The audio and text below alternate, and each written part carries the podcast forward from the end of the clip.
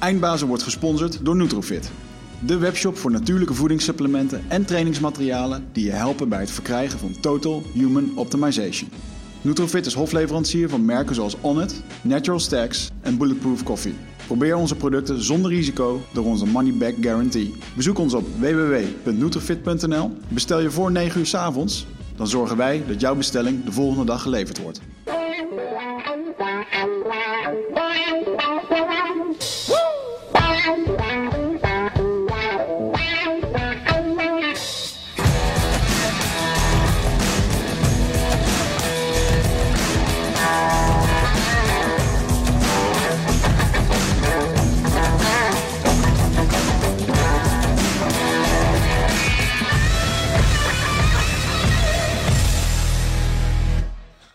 Zo, Wigert.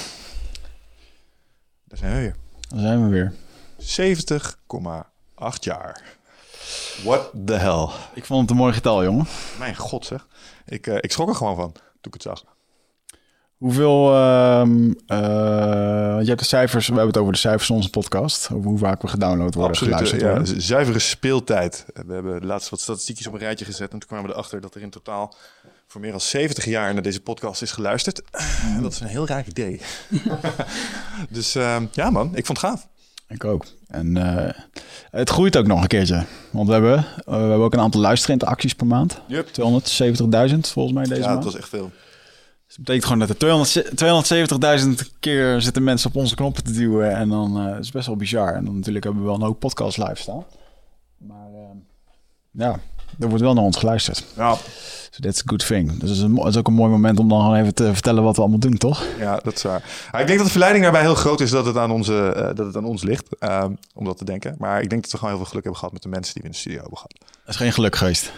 Wat zeg je? Dit is geen geluk geweest. Ja, uiteindelijk is het nee. Nou, in het begin misschien een beetje. In het begin hebben we wel wat mazzel gehad met mensen die ja zeiden. En die hebben ervoor gezorgd dat we uiteindelijk weer andere mensen ja zeiden.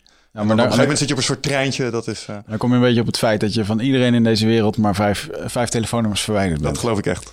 En dat is echt zo. Ja. Dus, eh, maar ik vond, wel, eh, ik vind het wel mooi om te zien, de groei. En eh, mensen die eerst nee zeiden en dan vervolgens toch ja zeiden. En, Maar geluk kun je ook afdwingen. hè? Dus deels maakbaar. ja, dat, ja, zeker wel. Ja. En dat, Ja. Ik denk dat het belangrijkste is dat je het gewoon moet doen. Wij kennen in, in eerste instantie kennen wij niemand anders dan in onze vechtsportkring. Ehm, we zaten te kijken naar een. eh, we keken graag podcasts in Amerika waarbij we dit interessant vonden. En we wilden gewoon dit concept hierheen halen. En, eh, maar er keek echt helemaal niemand, weet je, in het begin. Dus dat was echt hilarisch om gewoon te beginnen. Een anti-kraakstudio, een oude school, oud schoolgebouw ook. En eh, ik moest daar wel altijd om lachen hoor, dat we daar met grote zenuwen naartoe hebben gewerkt. Zullen we het dan doen en dan moet het helemaal perfect zijn. En joh, de eerste 24 afleveringen, daar loopt het beeld en het geluid loopt niet goed. En eh, ik weet niet wel wat voor obstakels we in het begin hebben gehad. Je vergeet dat soort dingen, weet je wel. Het is niet allemaal een soort van normaal. Ja. Maar eh, By the journey, man. het is echt... eh, drie- hoe lang doen we het nu? Tweeënhalf jaar of zo? Ja, bijna drie. Ja, we zaten nu een beetje volgens mij in een voorbereidingsfase waarbij we dat gingen lanceren. Ik geloof dat een keer in februari die eerste met Martijn de Jong toen is ge, Ja. ook vechtsport-icoon uit de ja, jij oude, oude trainer. Ook genomen als zo in de zin van, nou, dan hebben we in ieder geval iemand bekend in de studio, dat praat wat makkelijker. En eh, ja. ja, hilarisch. Maar het is natuurlijk niet zo alsof we niet eh, een klein beetje een route hebben uitgestippeld. Hè? Ik bedoel, eh, vandaag is een belangrijk thema in deze podcast wordt waarschijnlijk het stellen van doelen, goal setting en dat soort dingen. En eh, waar we wel heel duidelijk, we hebben wel heel duidelijk naar mijlpalen toegewerkt. Ik bedoel, we hebben gewerkt met roadmaps, vision boards en dat soort dingen hebben wel bijgedragen, denk ik, aan het feit dat het nu eh, nou, bijna 80 afleveringen verder. Ja. We benaderen de 100, jongen. Eh, dat het nog steeds een ding is. Dus eh, ja, Ik ga je wel nog één keer aangeven dat ik gewoon helemaal spierwit ben op deze camera. en ja, jongens, we hebben zojuist het woord gekregen dat we een nieuwe studio gaan krijgen. dus het, eh, En daar gaan we iemand een keertje inhuren die dit professioneel kan doen. Want we worden er helemaal gek van. Dat elke video... We kunnen eigenlijk gewoon helemaal geen consistent beeld leveren, weet je. Omdat het licht is altijd eh, licht is fout, altijd ja. anders en zo. En ik, ik zie nu echt als een melkfles. Dus, eh. Toch een beetje make-up zometeen. Hè? ja, Ja. ja, we hadden het van tevoren over dat we ons eh, niet Ja, dat heb ik dus ook een keer gehad. Dat ik... eh, Ik heb jou vol in de make-up ik was, gezien. op, was ik op de televisie bij, eh, bij Humberto. En ehm, ging hij mij interviewen. En werd ik van tevoren in de make-up kamer gedaan. En dat ik echt opmerkingen kreeg achteraf. Van eh, op Twitter. Yo, die gast eh, die heeft lekker eh, in de make-up kamer gezeten. Hadden ze het niet even uit kunnen smeren. Dus ik had echt van die eh rode dingen. Ja, dat, Ja, het rouge op. Ja, oh, mooi. Maar ehm, eh, wat we net zeiden, ik bedoel, een aantal podcasts inmiddels gehad. En ik denk dat een van de centrale thema's die we hier eh, hebben besproken, eh, toch wel eh, een stukje leiderschap is. Of een stukje eh, voortgang boeken op gewenste uitkomsten. En eh goalsetting is daar een ongelooflijk belangrijk onderdeel van. En ehm, als je dat combineert met het feit dat we veel studenten hebben als luisteraars. En dat we een tijd geleden ook eh, ons online trainingsprogramma gratis beschikbaar hebben gesteld aan studenten in de vorm van Young Guns. mm, Ehm, kwam ik iemand op het spoor, omdat ik in eh, een van onze geliefkoosde podcasts in Amerika bij Joe Rogan hoorde ik een meneer praten, Jordan Peterson, en die had het over het self-offering programma.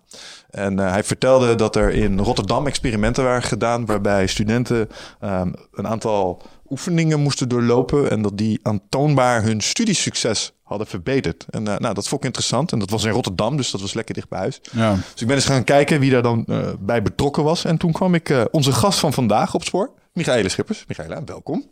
Dank je. Ik zag jou bij eh, de credits staan eh, van het self-offering programma. En eh, toen ben ik gaan snuffelen wat jij allemaal nog meer deed. En toen dacht ik, wauw, deze mevrouw heeft allemaal wetenschappelijk onderzoek gedaan naar een paar dingen waar we het hier al best wel vaak over hebben gehad. Ehm, en ook gekoppeld aan experimenten met studiesucces. Dus volgens mij is dit iemand waar wij eens wat langer mee willen kletsen. Ehm, dus hebben we je uitgenodigd en je wilde komen, dus dat is fijn. Dankjewel. Graag gedaan. Kun jij eens iets, ehm, even, iets- even in het begin iets meer vertellen over wie je bent? Eh, je hebt een heleboel titels ehm, waar ik nog een vraag over heb. Ik heb geen idee wat een endowed professor is bijvoorbeeld. Eh, maar zou je je, eh, ja, je accolades misschien even kunnen delen met ons? Wie je bent, wat je doet. Ja. Eh, ik ben Michaela Schippers. Ik ben hoogleraar eh, Behavior en Performance Management in Rotterdam. Ehm, en ja, en, en Doud professor, dat betekent eigenlijk gewoon bijzonder hoogleraar. Ehm, je hebt gewone hoogleraar en bijzonder hoogleraar. Eh, bijzonder hoogleraar betekent eigenlijk dat je hoogleraarschap betaald wordt door een externe partij. Ah, oké. En dat, eh, dat kan tijdelijk zijn, en dat, kan- hè, dat is voor vier jaar. En, en dat kan dan omgezet worden in gewoon hoogleraarschap na een bepaalde tijd. Hm. Hoe, hoe werkt dat dan? Hoe word je eh, gesponsord door een extra... Het bedrijfsleven bijvoorbeeld, die een bepaald thema uitgelicht wil zien worden? Bedrijfsleven zou het kunnen zijn. Dat is natuurlijk altijd wel de vraag dat het, wel, het onderzoek wel af- onafhankelijk moet blijven. In dit geval is het Trustfonds. Ehm, en het idee binnen onze school is dat, eh, dat we getalenteerde mensen willen behouden en hoogleraarschap willen aanbieden. En dat, dat, dan iets, eh, dat we dan niet hoeven wachten tot er iemand weggaat of overlijdt eigenlijk. Eh, En het idee is dus dat je ehm, eh, het Trustfonds eh, stelt dan eh, geld beschikbaar om zo'n eh, leerstoel te bekostigen.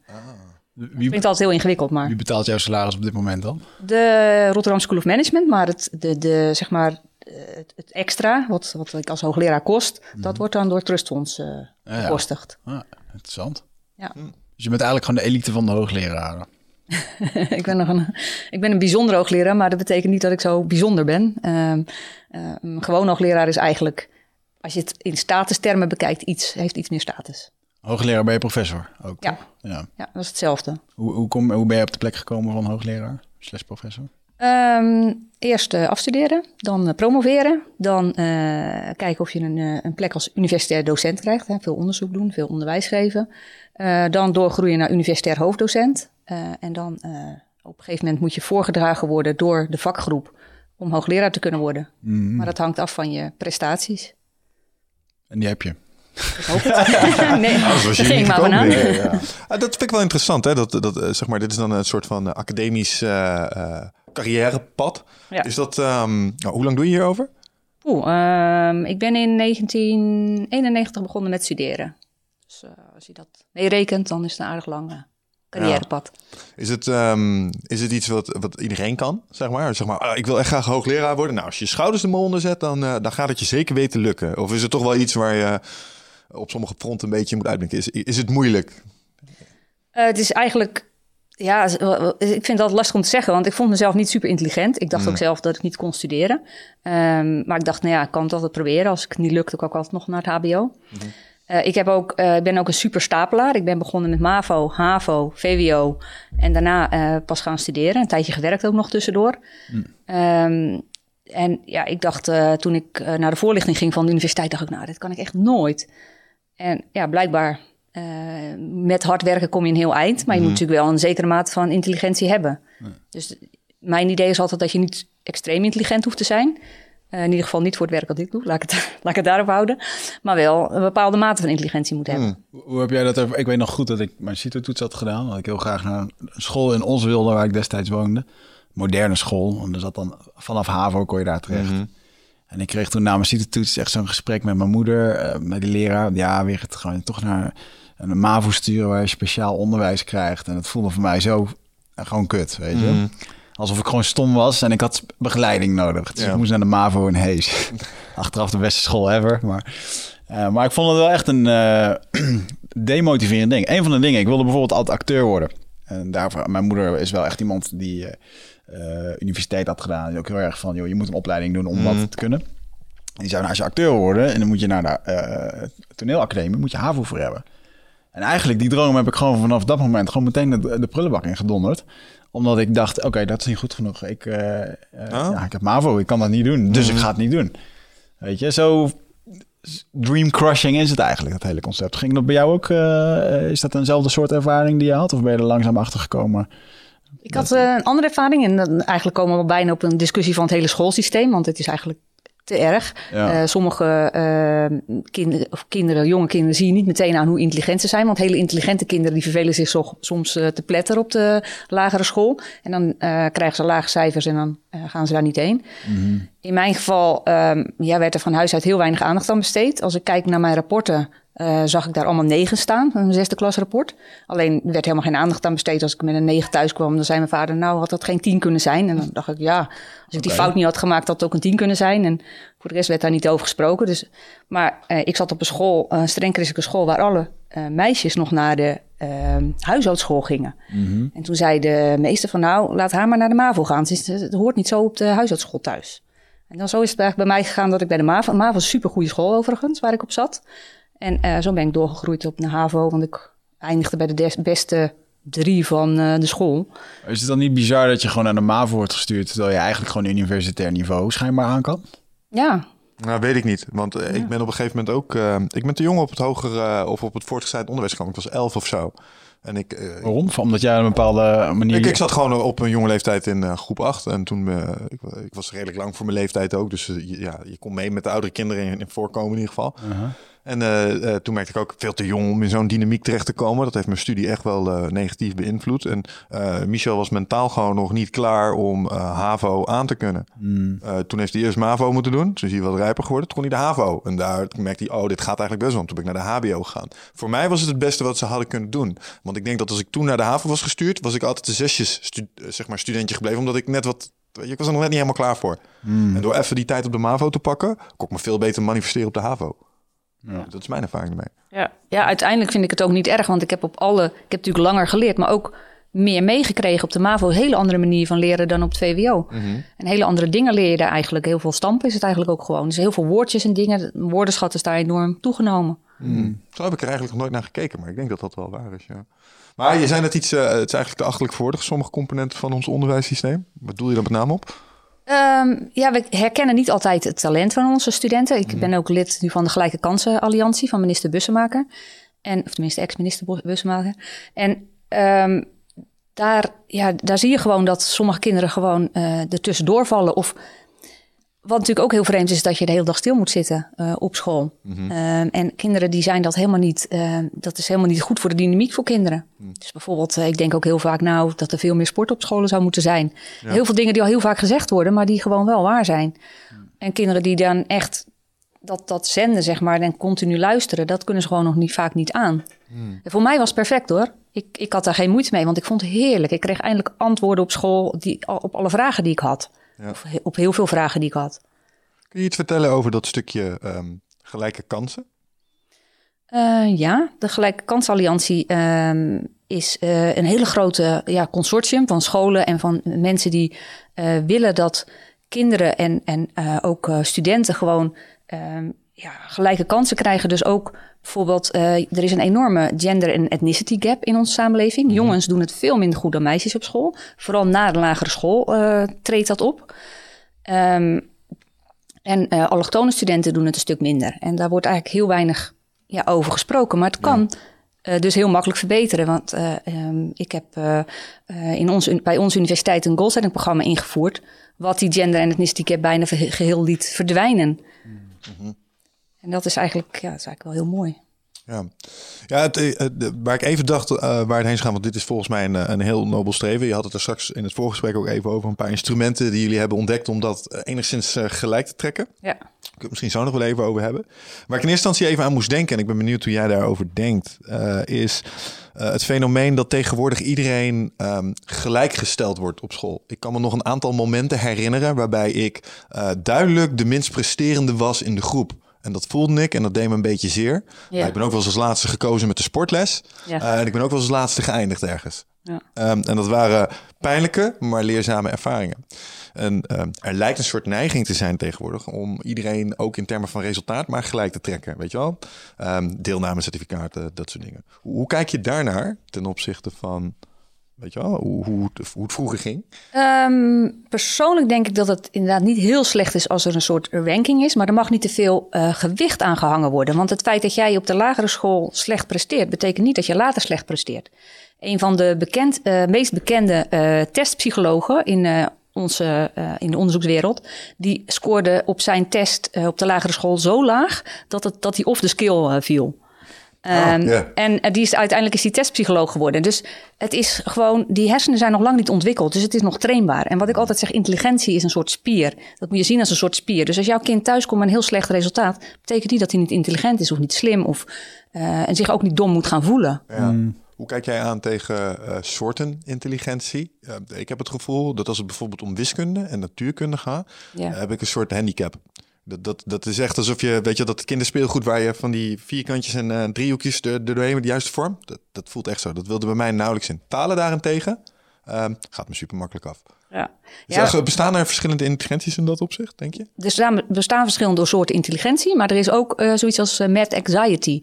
Dus uh, mensen worden van jongs af aan al een beetje eigenlijk bang gemaakt voor wiskunde. Ja. En iedereen krijgt dat een beetje mee tot op zekere hoogte. Mm. En vooral meisjes hebben daar last van, maar jij bent dan... Zeker. Nou, dat is, de wiskunde, de wiskundelessen zijn echt een trauma Dit, van, van het voortgezet onderwijs. Ja. Het meisje hier had ook moeite met de stelling van Pythagoras, hoor. Die ik nu nooit meer gebruik. ik had er echt over moeite mee, wiskunde. Ik vond het ook echt vervelend om daarheen te gaan. Ja. En inderdaad ook uh, heel erg geïndoctrineerd doordat wiskunde moeilijk was. En dan ja. kreeg ik denk ik al in groep 4 te horen dat ik niet goed was in wiskunde. Ja. Dat, ja. En, maar dat uh, is het dus, hè? dat stigmatiseren van jij bent niet goed genoeg ergens voor. En uh, in plaats het aanmoedigen van hé, hey, je bent er nog niet, maar wacht eens even, als je hieraan zou werken of hieraan zou werken, dan zou je het ook gewoon kunnen. Ja. Want uh, het, het, kan er bij mij niet in dat 80% van de bevolking niet goed genoeg in wiskunde zou zijn. Nee, ja, ik, ik vind nu ook nog, als ik nu zou jij nu nog een staartbreuk kunnen uitrekenen? Nee.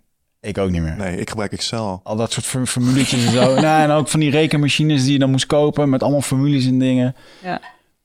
Ja, joh, dan, dan ja, echt niet, niet nee. dat ik het nog gebruik of wil gebruiken. Nee, het enige wat ik nog wel graag een keer zou willen kunnen, is um, als er dan zo'n formule van een natuurkundige of een wiskundige op het bord staat met allemaal van die tekens die ik niet begrijp, dat ik gewoon daar kaas van kan maken. Weet je, dat ik dat kan ja, zien en ik ja. denk van, oh, hij doet dit of zo. Want nu is het, dit zijn toverspreuken. Het is een vreemde taal. Ik snap niet wat er staat. Ik heb geen idee, maar ze kunnen er hele borden mee volschrijven mm. en daarmee de realiteit omschrijven. Ik snap het niet. Ja. En dat lijkt me wel heel gaaf om dat, uh, dat te kunnen begrijpen. Ja. Maar ja, dan loop je wel een beetje tegen. Ja, lijkt me ook heel mooi om met een piramide rond te lopen en daar eh, te kunnen begrijpen wat op de muur staat. Maar het is hetzelfde toch? Nou, ik weet ja, niet of het hetzelfde ja, is. Nou, maar... nou, voor mij wel op dit moment. Ik kan, ik kan dat even goed begrijpen als die oh. wiskundeformules. Dus, uh... Ja, maar een goede wetenschapper zou je dat moeten kunnen uitleggen. En dan begrijp je het voor even. Mm -hmm. En dat, dat is ook niet erg, want je hoeft het niet uh, helemaal de achtergrond te kennen. Want die man, uh, die heeft al, of vrouw, heeft al heeft de achtergrond in dat gebied. Ja, nee, dat geloof ik wel. Nee, maar gewoon om aan te geven hoe uh, wiskunde soms uh, kan overkomen als je zo'n bord ziet met zo'n formule. En je ja. weet echt niet van een keertje. Ja, en dan ook meteen van, dat blokkeert ook meteen vaak. Mm, math anxiety, ik had er nog nooit van gehoord in ieder geval. Maar ik denk dat dat een, uh, dat dat een goede is. hey, we hadden het net over die um, gender ethnic, ethnic, ethnicity. Ethnicity gap. Um, en we hadden het in het voorgesprek, zoals ik al zei, over wat manieren om, om dat iets meer gelijk te trekken. Of jullie hebben wat goede resultaten behaald met wat dingen die jullie hebben toegepast. Um, tel je more, wat hebben jullie gedaan? Uh, dat in 2011 hebben we dat uh, geïmplementeerd in onze school. Um, het was eigenlijk uh, de aanloop naar NSN. Ik weet niet of je daarvan gehoord hebt. Dat is, heet een nominalis normaal. Onze do, uh, toenmalige rector vond dat studi studenten in het eerste jaar 60 studiepunten moesten halen op de Erasmus Universiteit. Dat was toen heel erg in het nieuws ook. Help me, is dat veel of weinig? Dat is het hele eerste jaar. Moest in één keer gehaald worden. Oké, okay, mooi. En tot dan toen was het 40 studiepunten. Ja, voor ik het, moest 42 hebben volgens mij, mijn HBO. Voor je ja, dat was twee, ja. ja, maar tegenwoordig is ECTS. Dus 42 studiepunten toen is nu 60 ECTS. Ja, exact. Ik zat net in de overgang een jaar daarvoor dat dat ECTS kwam. Dit is ja. nieuws voor mij. Toen was ik er blij mee dat ik dat had of zo. Maar ik weet niet wat voor reden wat het precies was. Maar ja, het klonk 42 niet. studiepunten is een uh, heel jaar. Heel, uh, Um, Voor mensen die niet meer helemaal hip zijn met het verschil tussen studiepunten en ECTS, wat, is, uh, wat hebben ze gedaan in het onderwijssysteem dan? Is het een nieuwe manier van tellen of zo? Uh, het, is, uh, het is eigenlijk een nieuwe manier van tellen. Het is, Europese, het is zeg maar de hele Europese Unie is het gelijk ah, getrokken. Oké, okay, check. Ja. Um, dus eigenlijk een, tegelijkertijd ingevoerd met het bachelor-master systeem, als ik het goed, als ik me goed Hmm. herinner. Helder. Ik ben ook nog van voor de bachelor-master systeem. Um, maar het idee was dat je een bindend studieadvies zou krijgen na het eerste jaar. Dat is waarschijnlijk ook nog na jullie tijd uh, ingevoerd. Um, vroeger mocht je gewoon 10 studiepunten halen en dan kon je alsnog gewoon doorstuderen. Maar nu moest je er 40 halen, 40 ECTS. Ja. Um, en dat werd opgetrokken door onze toenmalige rector naar 60 ECTS. Gewoon het hele eerste jaar moet je halen. Dus zeg maar een cohort uh, systeem. En dat is eigenlijk een soort, ja, ook een doel, maar dan een soort stretch goal, uh, noem ik dat. Uh, want uh, op dat moment had onze school, de Rotterdam School of Management, 50% drop-out rate. Ja. Dat betekent dat 50% van onze studenten of weg moest of wegging zelf. maar wij hadden, ik had 800 eerstejaars in mijn vak. En dus ik vroeg van, ja, hoe zit dat dan? Hoe, hoeveel blijven er nu over? Ja, 50%. Van die 800 blijven er gewoon maar 400 over. Mm Um, en toen uh, werd NSN, uh, zou ingevoerd worden. Tenminste, het idee was dat dat op de hele universiteit zo langzamerhand bij elke faculteit werd ingevoerd. Wij zouden daar in 2012 mee beginnen. Um, en toen kwam ik een artikel tegen over goalsetting van Dominique Morisano. Mm.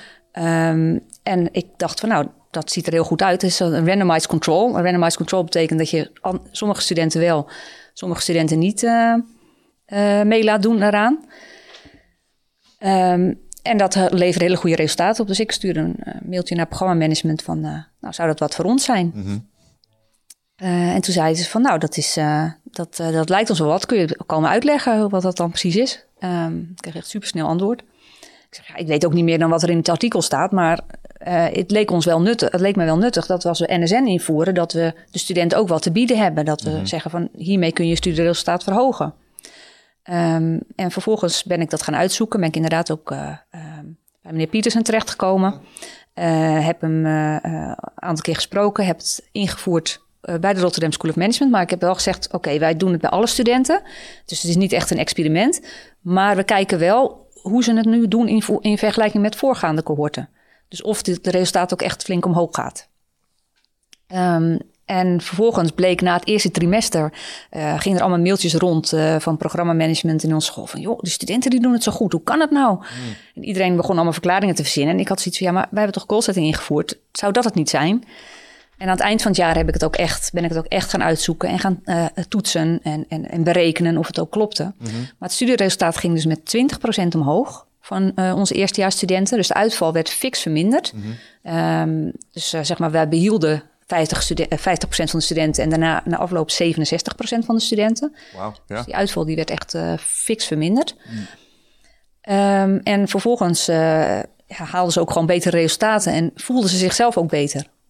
Ja, en uh, als je dan kijkt naar wat jullie ze uh, expliciet liet doen. Ik bedoel, goalsetting is een brede term, zijn meerdere instrumenten. Wat, wat, wat moesten ze doen? Uh, dat is een goede vraag. Ze moesten gewoon eigenlijk, uh, het is een online programma waarbij ze moesten schrijven. Dus er moest vooral veel schrijfwerk. Mm. Dus eigenlijk begonnen we heel rustig aan van, nou, wat zou je nou willen veranderen in je leven? Wat zou je nu willen uh, beter willen doen? Wat zou je willen leren de komende tijd? En dan heel rustig uh, moesten ze over elk stukje twee minuten schrijven. Mm. En dat bouwde heel langzaam op naar, denk nu eens na over wat je ideale leven is. Als je nou het ideale leven bereikt zou hebben, wat, hoe zou dat er dan uitzien? Ga daar mm. eens 15 minuten over schrijven. En wat is nu het leven wat je zou willen vermijden? Wat wil je nu absoluut niet?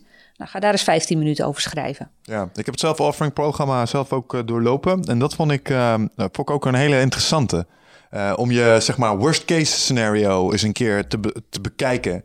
Um, veel van dit soort trainingen zijn altijd uh, over optimistisch. Uh, ja. Big hairy audacious goals, de hele wereld raken. Ja. maar ik vond het bijzonder motiverend om ook gewoon eens even een paar van je angsten even uitgeschreven voor je ogen te zien. Zo van ja, maar hey, dit kunnen we vermijden. redelijk makkelijk ook als we even de juiste dingen doen. Ja. Dus dat vond ik een heel mooi instrument. Dat vond ik heel krachtig in ieder geval. Dus. Ja, klopt. Uh, het is ook wel heel leuk dat sommige studenten schrijven van... nou, ik wil in ieder geval niet eindigen met uh, een bier en een zak chips voor de televisie. Dat, dat, soort... Ja. ja. dat is wel een hele goeie om daarover na te denken. Want um, hoewel ik wel het idee heb dat mensen meer nadenken over wat ze niet willen... dan dat ze, wat ze wel willen. Want dat is wel heel hmm. belangrijk. Wat wil je nu wel in je leven? He, je denkt bijvoorbeeld, ik wil het niet zo doen zoals mijn ouders deden. Maar hoe wil je het dan wel hebben? Hoe wil je je leven wel vormgeven? En wat ik denk wat heel krachtig is, is dat het je heel veel um, ja, wat we dan self-efficacy noemen. Um, dat, dat, dat je het idee hebt dat je het zelf in de hand hebt. Dat je, veel meer, je hebt het veel meer zelf in de hand dan je zelf denkt eigenlijk. Mm -hmm. Bijvoorbeeld ook je sociale leven. Um, als je foute vrienden hebt, kun je ook bedenken van misschien wil ik met uh, een ander soort vrienden hebben. Ja. Uh, wie ga ik dan, met wie ga ik dan contact opnemen? Met wie ga ik minder zien? Wie ga ik meer zien? Mm. Ik ja. denk, gemiddeld, gemiddeld schrijven studenten 3000 woorden. Uh, en het is niet echt heel erg verplicht. Ze moeten het wel doen, maar het is mm. niet uh, dat we zeggen van je moet er zoveel in doen. Of, uh... Wat is het psychologisch gezien dat het dan zo krachtig maakt? Want dit is een deel van het zelfopoffering. Er zit nog een stukje achter waarbij het ja. iets expliciteert. Maar je hebt ook psychologie, weet je wat nodig van? Ja. Waarom werkt dit zo goed voor ons om op die manier te kijken naar de gewenste uitkomsten?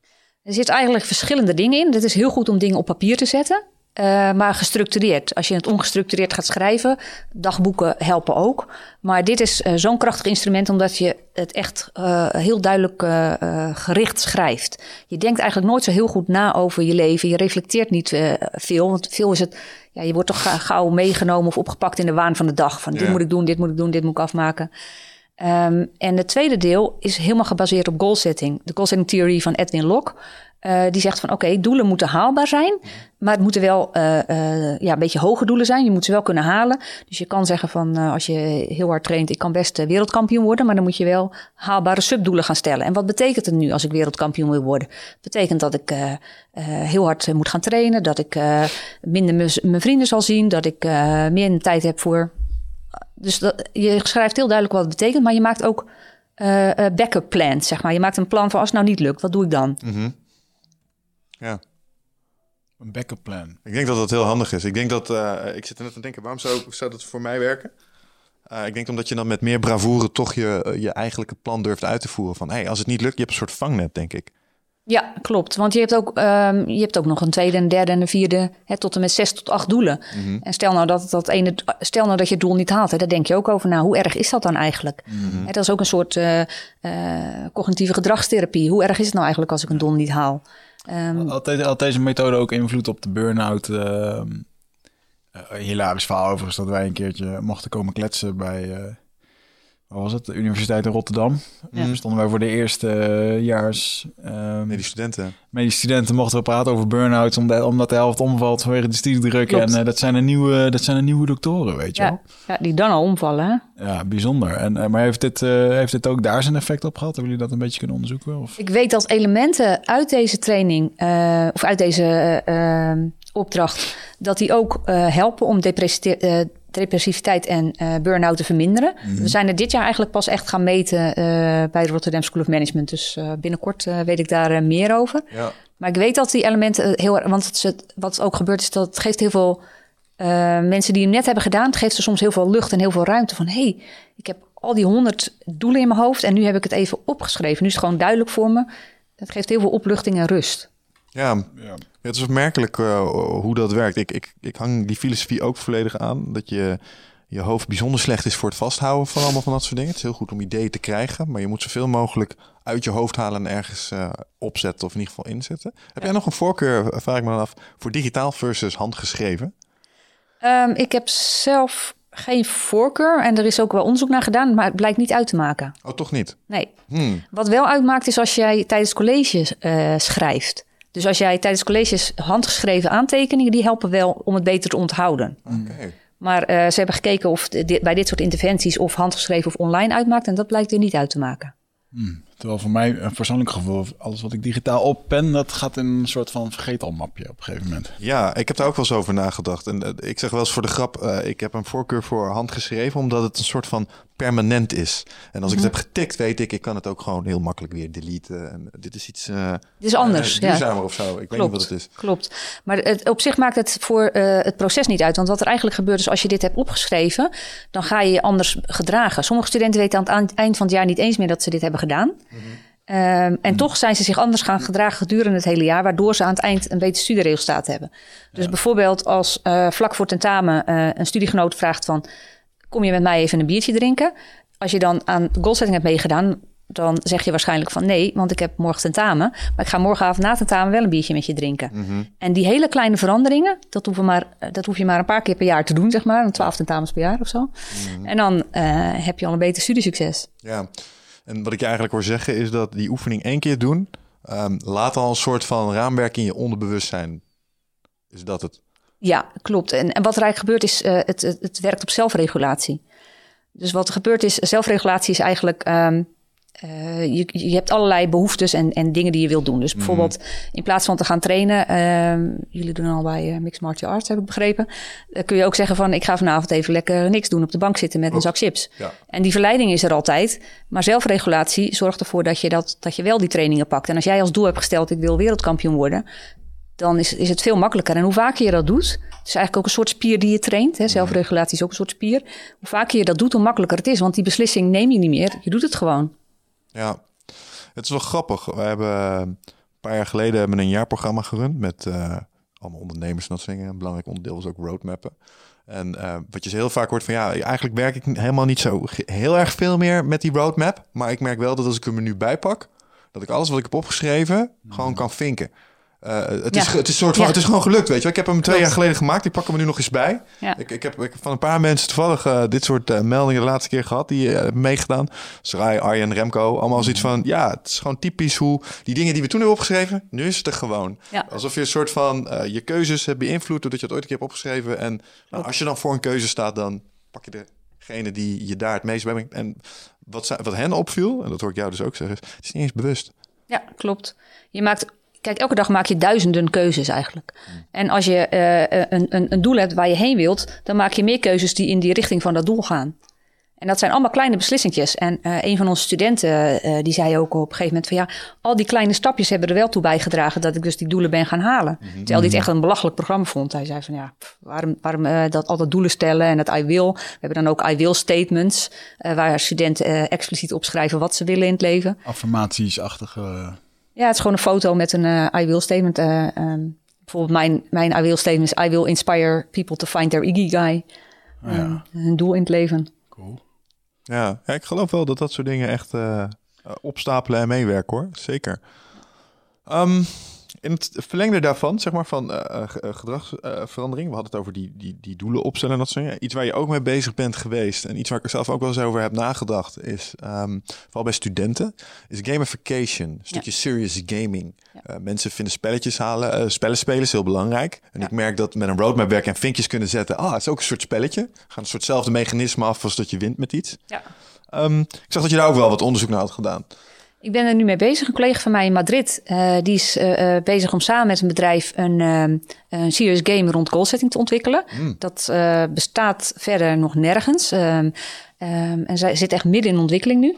Eh, maar het idee is dus dat je bijvoorbeeld eh, eh, dan eerst je doelen stelt. En vervolgens zeg je van oké, maar wat zijn nu mijn obstakels? Bijvoorbeeld eh, dan creëer je een soort monster en dat is laziness. Super. Ehm, en die schiet je dan, ja, die heeft heel wat schoten nodig trouwens, zag ik in het, in het voorbeeld.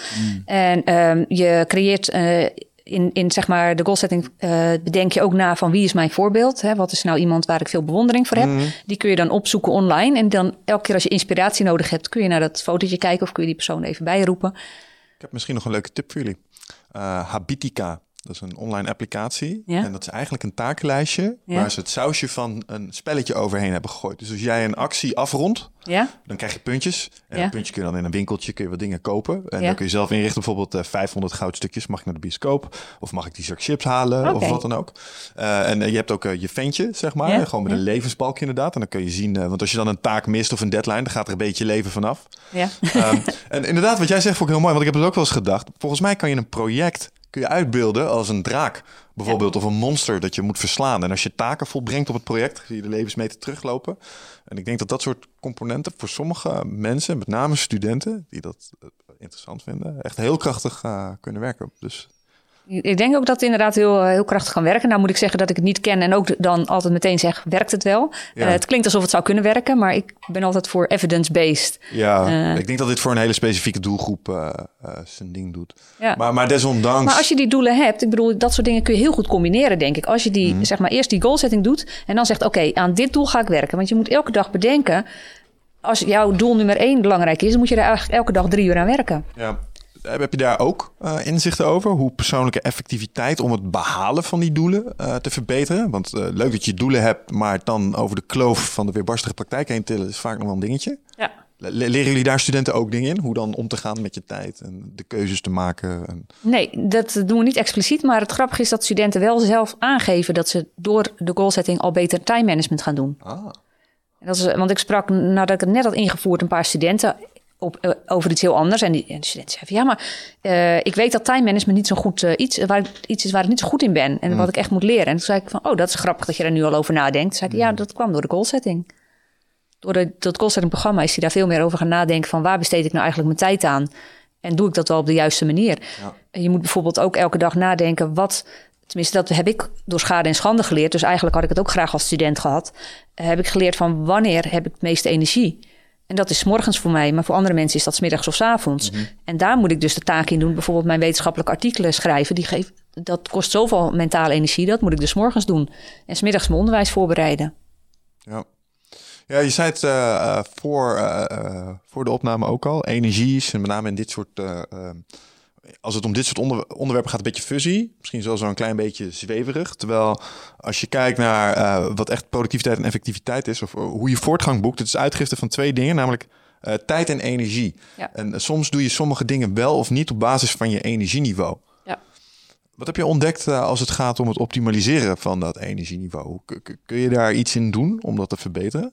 Ja, als je doelen hebt die energie geven, dat is al heel, dat is ook zo krachtig.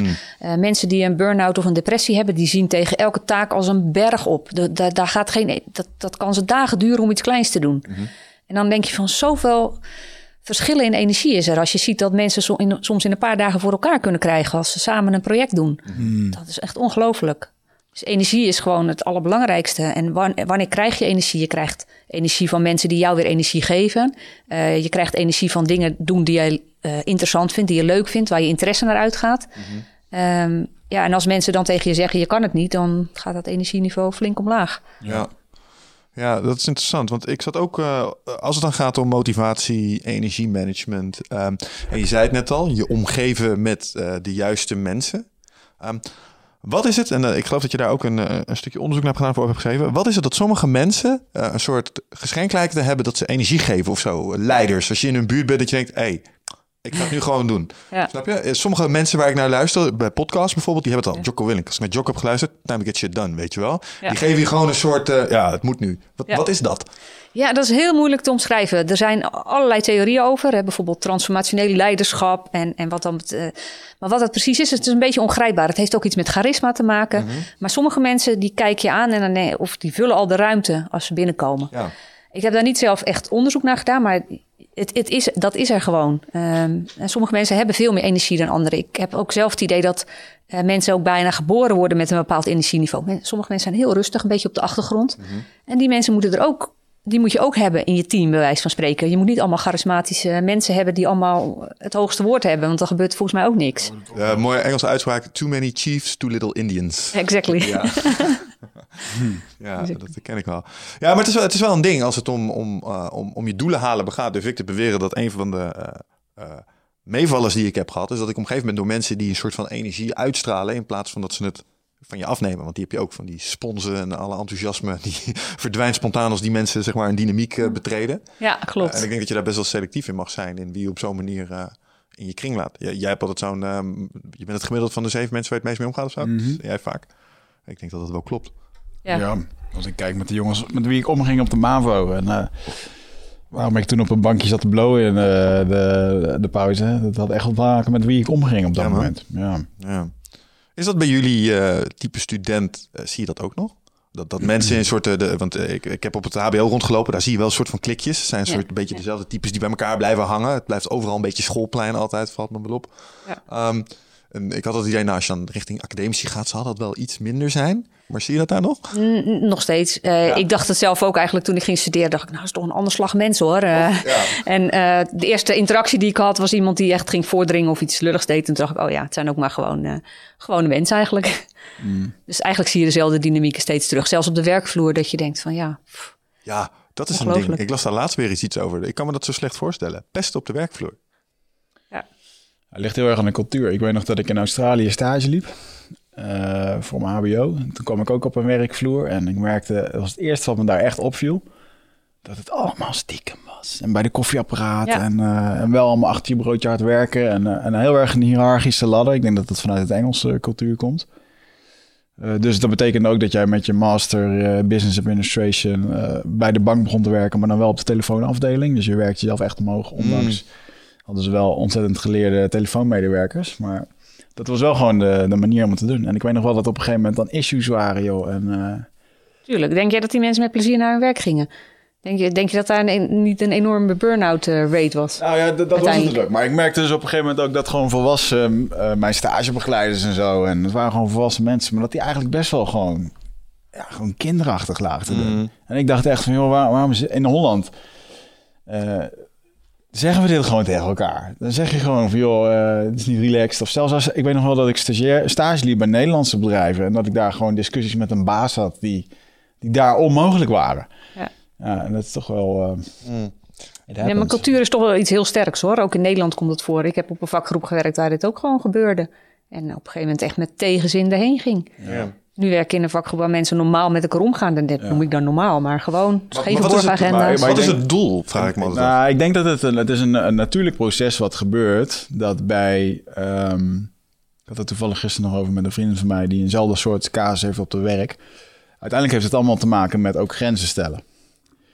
En als jij je grenzen niet stelt, omdat je bang bent dat je misschien eh, ontslagen wordt, of dat je niet goed genoeg wordt gevonden door je baas, of je wil niet zeuren, of je wil anderen niet tot last vallen, noem het allemaal op, allemaal redenen en overtuigingen. En iemand anders, die gaat gewoon continu over jouw grens heen, omdat jij het gewoon niet aangeeft. En daarin vind je elkaar. Dus dan is er eentje de slachtoffer en de ander heeft misschien niet eens in de gaten dat hij de dader is. En eh, eh, dat, ja, dat is wel de reden. Want op het moment dat jij iedere keer zegt van ja, het is wel oké, het is wel oké, laat je iedere keer over je grens heen lopen. En dan zal het ook iedere keer gebeuren. Nou ja, mensen zijn hele sociale wezens en ze zijn geneigd om mee te gaan met anderen. Dat is al aangetoond in de hele basale experimenten, waarin eh, eh, het lijnexperiment van Ash, eh, waarin eh, twee li- drie lijntjes waren en één lijn was even lang als de lijn die je daar zag.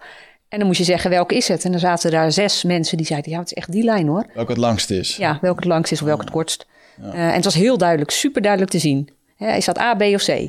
Nou, het was eh, B, maar iedereen zei C. Nou, die, die, het- de, de echte deelnemer aan het experiment zei dan ook vaak C. En die zat dan wel van, volgens mij klopt er geen barst van. Ja. Het is zo moeilijk om niet mee te gaan. Maar pro- ja, mijn tip zou zijn, blijf bij jezelf. Was, dat nou, was jij dat nou die dat zei? Zo'n experiment met de lift? Ik zat er net aan het denken. Ja. Ja, dat, dat, dat je, als je in de lift gaat, staat iedereen met dezelfde neus. De, ja. Dat ze deze, gingen ze de andere kant op staan en dat iedereen dan binnenkwam zo van... hé, hey, dit is awkward, we moeten toch daar staan. En, maar ging niet toch ook maar gewoon mee met de rest. Ja, dat Ja. is wel... eh, ja.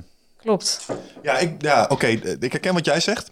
Eh, ik, ik, zit er al, ik, ik kijk er alleen ook naar op een andere manier. Dan moet ik denken aan iemand als Mark van Vught. En die heeft het dan over dingen als... dus een evolutionair psycholoog. Ja, die, heeft die heeft het over coalities. Weet je? Ja. Mensen doen dit. Ja. Eh, en dat brengt me ook bij een stukje goalsetting en doelen stellen. Ehm, mensen willen allemaal klimmen. Klimmen in status, klimmen in aanzien. eh, om op de werkvloer hun positie te verbeteren. Dat is een beetje wat hij in principe zegt. Iedereen probeert zijn eigen situatie eh, te verbeteren. Ja. Is dat iets waar jij... You subscribe to that? Of... Ik ben niet helemaal mee eens. Niet iedereen wil per se klimmen. Maar ehm, het is wel, eh, ja, tuurlijk, er zijn wel eh, allemaal dynamieken die daarin spelen. En eh, vaak zien mensen dat als een soort eh, win-lose situatie. Dat is, eh, bijvoorbeeld, ik kende ook, eh, ik had een collega die vond het vervelend dat ik veel publiceerde.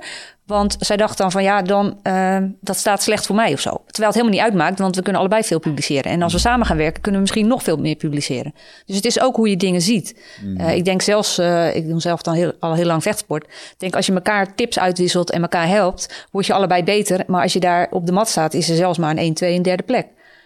Maar toch, Ja, ja, we hebben het daar vaak over die theorie dat ehm, in een vechtsport of in een sportschool, dat ik altijd vergelijken met een voetbalteam, dan heb je, heb je elf haantjes. En eh, allemaal haantjes toch, een grote mond, bla bla. Maar ze hebben gewoon nog nooit tegen elkaar gevochten. Dat is even heel primair, hè? En Ja. als je dan op een taekwondo-mat staat of op een judo-mat of wat dan ook, daar is een hele natuurlijke hiërarchie. Wie baas boven baas is daar. En Ja. eh, dat is heel, ja, dat is bijzonder. Dat is een hele andere vibe waar je dan in komt. En eh, Ja. je moet er altijd wel om lachen. Als ik dan, eh, ik zie dan wel bijvoorbeeld van die vrijgezellen uitjes in Amsterdam, weet je wel. En dan allemaal die gasten die uh, borst naar voren, grote praatjes. En dan denk ik, gasten, jullie hebben gewoon nog nooit met elkaar gevochten, weet je wel. Dan zou het allemaal heel anders gaan. Mooi is dat. ja. Ja, in dat opzicht eh, is wel leuk, want je hebt vechtsport gedaan. ja. Ik heb wel eens... Nog steeds, eh, hoor. Ja, ja, ja, je- fanatiek taekwondo. Hè? We hadden het er straks even over je wapenfeiten. Je hebt eh, niet stilgezeten in dat opzicht. Vijf keer Nederlands kampioen. Tweede en derde geweest op het EK. En eh, zat er nou ook een WK tussen ergens? Eh, derde op de open WK. Derde ja. op het Open WK. Ja. You can kick some ass als je dat doet. Sometimes. Ja, je weet ook de, de harde variant van het taekwondo, eh, zei je al. Eh, ik doe de semi-contact variant eh, de, van de ITF, de International Taekwondo Federation. Ehm, en dat is, maar dat is wel eh, zeg maar zonder hogo's, wel met beschermers, maar gewoon ook op het hoofd mogen raken met zowel handen als eh, voeten. Contact. Het is semi-contact. Maar een, een, een- zeg maar zo'n draaitrap, ik, het lijkt me heel lastig om te controleren zo af en toe. Eh, klopt. Je voelt hem klopt. Ja, klopt. Dus de scheidsrechter moet daar ook echt eh, heel goed zijn in de zin van dat hij kan zien, ja, een, een, een heel kick kun je niet goed inhouden. Ja.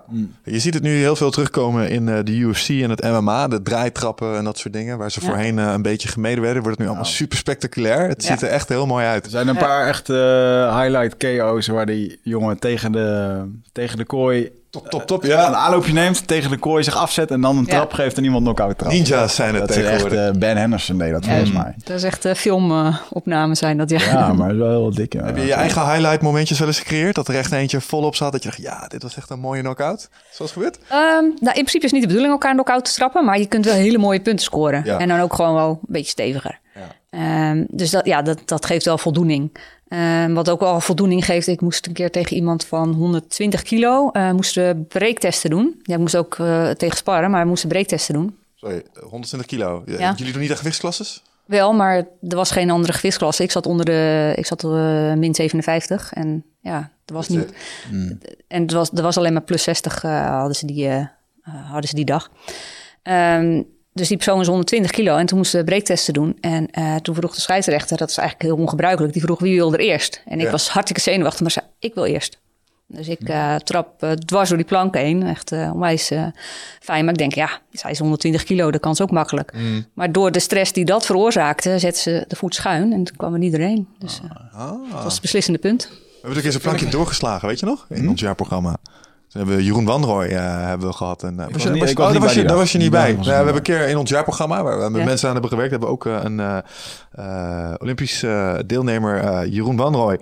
Die gaf ook taekwondo. En die liet ons ook allemaal van die plankjes doorslaan, zeg maar. En op een of andere manier, het heeft gewoon niet. Weet je, Ja. het, het geeft je gewoon echt een krachtgevoel. Hij liet je er dan iets opschrijven waar je mee wilde breken, een gewoonte of zo. Dat moest je dan doorslaan. Klopt, klopt. Ja, Eh, mijn man is eh, taekwondo-leraar en die laat eh, heel veel mensen dat in hun eerste of tweede les ook doen. En dat vinden vooral kinderen, nou die vinden het geweldig. Zijn Ja. iets dunnere plankjes, maar die vinden dat zo. Krijgen ze dan mee naar huis. Ja, en wat er helemaal mooi aan is, en daar was hij heel, eh, eh, zeg maar heel stellig op, ook zo van, ja, maar ik moet wel speciale planken hebben, want je wil ze niet met naad en zo, want mensen moeten wel echt het idee hebben dat het een goed plankje is, dat ze niet genept worden, want eh, dat is echt goed als het daar stevig hout is, weet je wel. Dat vond hij echt belangrijk. Ja. Ik, ik heb hier nog een mooi filmpje. Deze dag zag ik toevallig op vakantie. Ga ik jullie laten zien van een, eh, een reporter die een eh, karate guy eh exposed, als het ware. Eh dit is echt hilarisch. Wacht hè. Bullshido. Dus deze man die kan... Uh, kunnen jullie het zo zien of niet? Ja, ja, ja. Kunnen dat... I'm gonna break that concrete slab with that glass without breaking the glass. Are you ready? I'm ready. All right, let's go.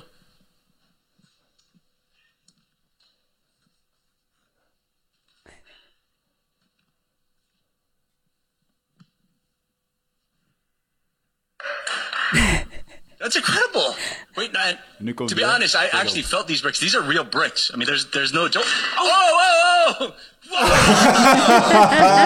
Die reporter die breekt gewoon met twee vingers dat blok door midden, weet je wel. Zo kun ik het ook. En, die, en dit gaat nog twee minuten lang door. Die gast die komt niet meer bij over wat hij net deed. En die gast zegt heel ongemakkelijk, how, how did you do that, man?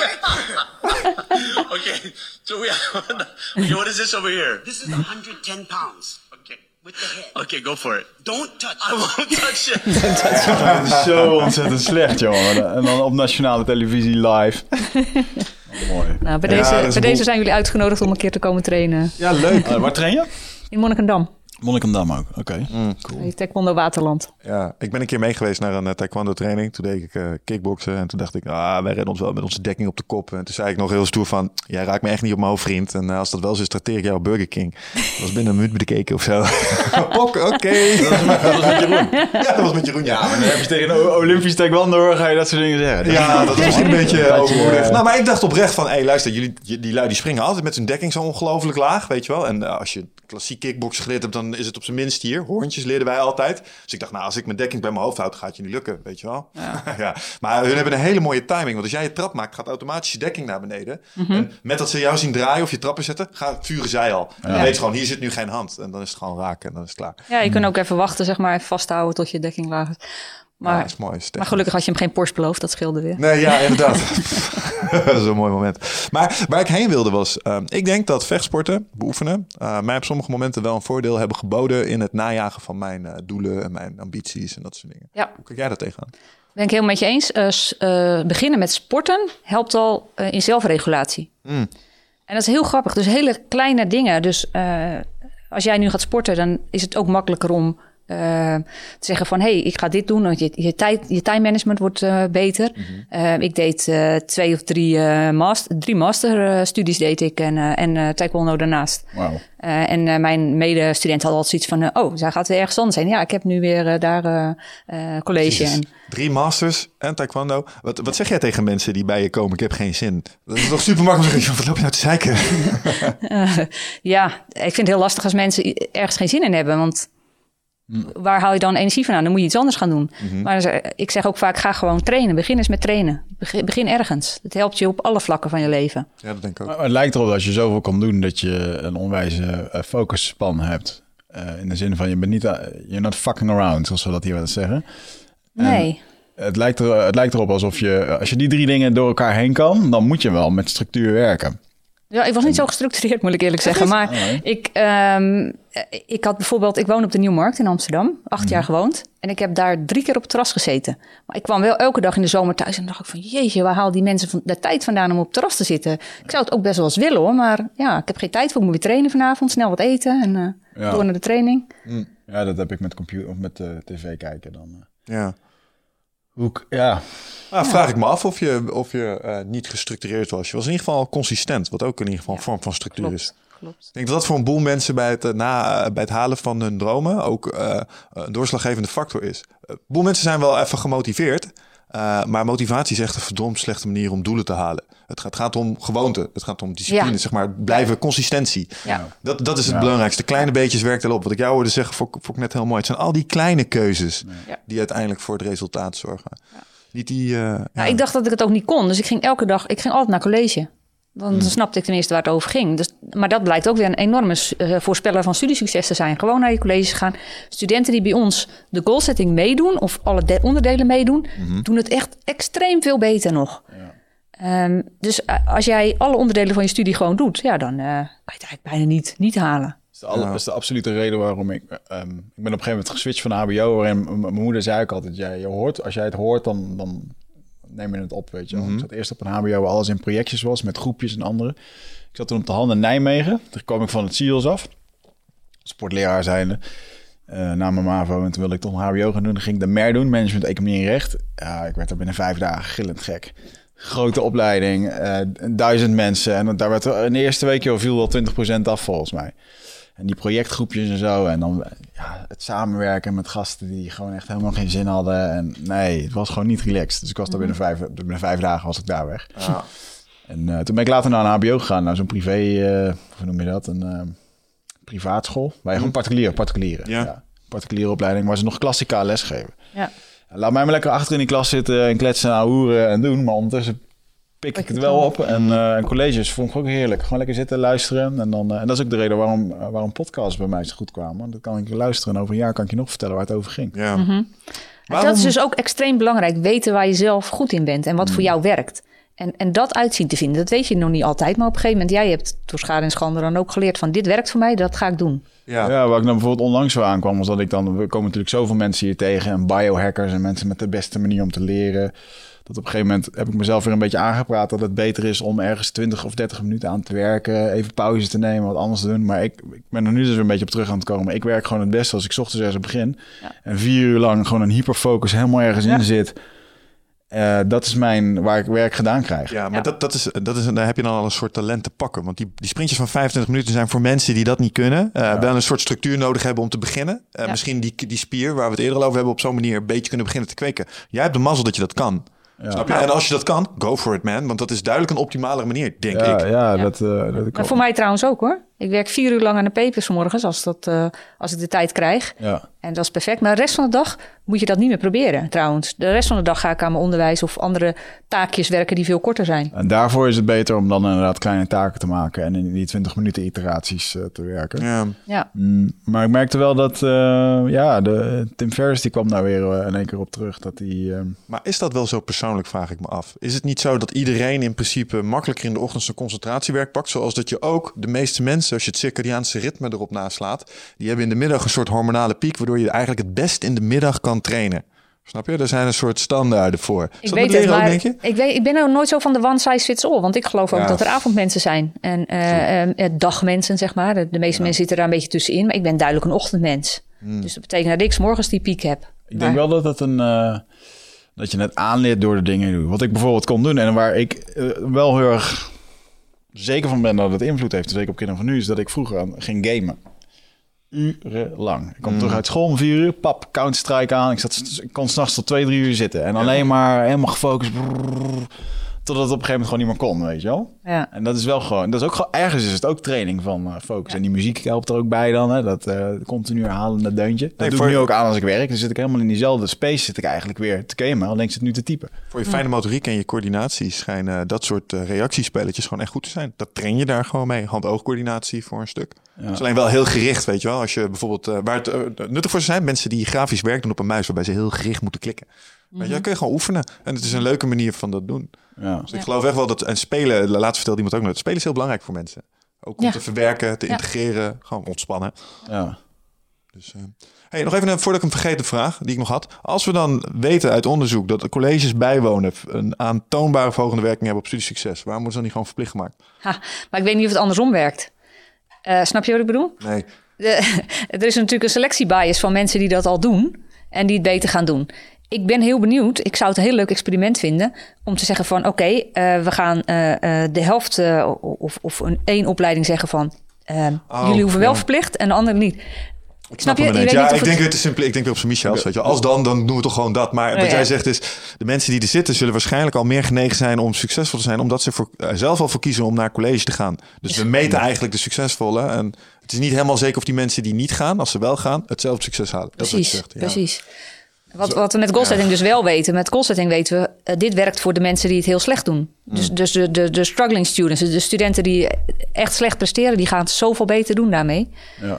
Maar dat weten we dus, dat causale verband weten we niet helemaal. We mogen niet gewoon stellen, colleges bijwonen heeft aantoonbaar positieve invloed op de resultaten. Eh, of het, we weten niet of het causaal is. Het heeft, eh, het heeft aantoonbaar invloed. Maar ik kijk, tuurlijk, je kan je ook voorstellen, je hoort daar dingen. Je, natuurlijk, die kennis die, die, die wordt daar ook natuurlijk wel meegegeven. Ja. Ja. Eh, maar is het eh, het feit dat mensen alles meedoen of, en de mensen die alles meedoen, die doen het veel beter? Of is het als je iedereen verplicht alles mee laat doen, dat ze het ook beter gaan doen? Ik ben heel benieuwd. Ik zou het graag willen testen. Eh, Heb jij wel eens een beetje, daar zat ik nu laatst aan te kijken. Ik vroeg laatst een jong jochie, ik denk dat het een jaar of zeven was of zo. Van, ga je nog met boeken naar school? Hij zegt, nee man, alles digitaal op iPads. En eh, iedereen heeft zijn eigen iPad en zo. Ja. Ehm, er zijn verschillende discussies over mogelijk of dat goed is of niet voor een kind. Of dat hij dat ding bij zich moet hebben. Noem het op. Wat is jouw mening daarover? Over het, het vroegere onderwijs, het eerste onderwijs wat we nu krijgen. Is het goed om iedereen in een eh, iPad te duwen en daar eh, Want eigenlijk is dat de hele dag de omgeving waar we op zitten te werken. Klopt, ja. Ik ben er niet helemaal eh, eh, uit eigenlijk. Ik heb er wel over nagedacht, maar ik ken het nieuwe systeem gewoon niet goed genoeg om er go- een goed oordeel over te kunnen vellen. En ik weet ook te weinig van het onderzoek daarover. Alleen ja, gevoelsmatig is het, eh, het lekker kunnen in een boek kunnen aanstrepen fijner voor mij om te onthouden. Als ik nog een cursus zou volgen, zou ik het liefst nog uit een boek doen. Leren ze nog wel schrijven met de hand? Ja, volgens mij wel. ik hoop Ja, het wel. maar tikken tegenwoordig. Ja, dat... uh, Het, het handschrift gaat wel achteruit. Door van mij ook trouwens. Ja, ja, dat ging echt... eh, Ik heb nog cursief moeten leren schrijven met een vulpen. Ja, ik kreeg, ik kreeg dan weer zo'n... Ik kreeg, ik kreeg dan weer zo'n... ik kreeg dan weer zo'n... Je ziet er zo jong uit. Ja, dankjewel. Ja, ik ben eigenlijk stiekem bestaat.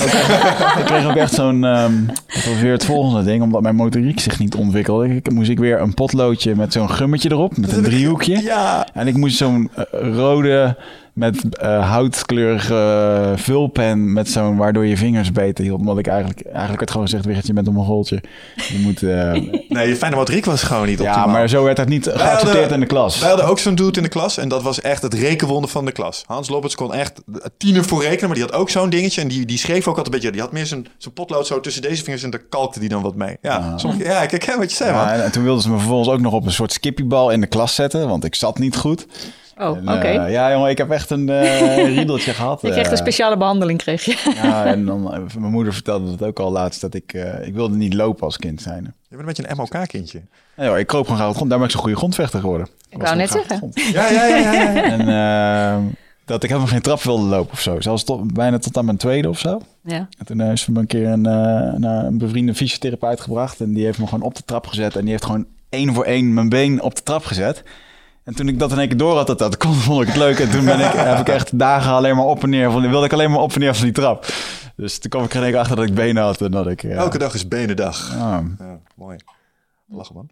Hey, ehm, een van de dingen waar we het nu over, met name over hebben gehad, is eh, individuele performance Ja. hè, van, van studenten en dat soort dingen. Maar een van je andere specialismes is het samenwerken in teams. Ja. En eh, hoe je daar ehm, zo prettig mogelijk eh, kunt samenwerken. Want effectiviteit alleen is iets heel anders dan effectiviteit, effectiviteit in een team. Ja. Wicht en ik hebben allebei de dubieuze eer gehad om mensen aan te mogen sturen. Eh, dus ook teams eh, mogen voorzitten en deadlines moeten halen en dat soort dingen. En team efficiency, wauw, dat is ook nog wel een eh, hele aparte puzzel. Ja. Ehm, wat zijn dingen die je daarover hebt geleerd die je eigenlijk aan elk leider of teamleider zou willen meegeven? Wat heel belangrijk is, is dat je als team regelmatig reflecteert. Ehm, dat verhoogt, kan de effectiviteit fix verhogen en dan wel op een, op een goede manier. Dus eh, wat ook super belangrijk is, is dat mensen zich veilig voelen in het team. Dus dat ze dingen durven te zeggen. Want zodra je niet meer ding- dingen durft te zeggen, dan neemt iedereen aan wat eh, de teamleider of degene die eh, de, de, de voorzitter zegt. Ehm, dus ja, we noemen dat psychological safety, is belangrijk. Eh, reflecteren is belangrijk. En eh, een teamleider die mensen ja, een goede visie als team heeft. Dus als je zegt van hier willen we dit willen we bereiken, dan komen we eigenlijk weer op die doelen uit.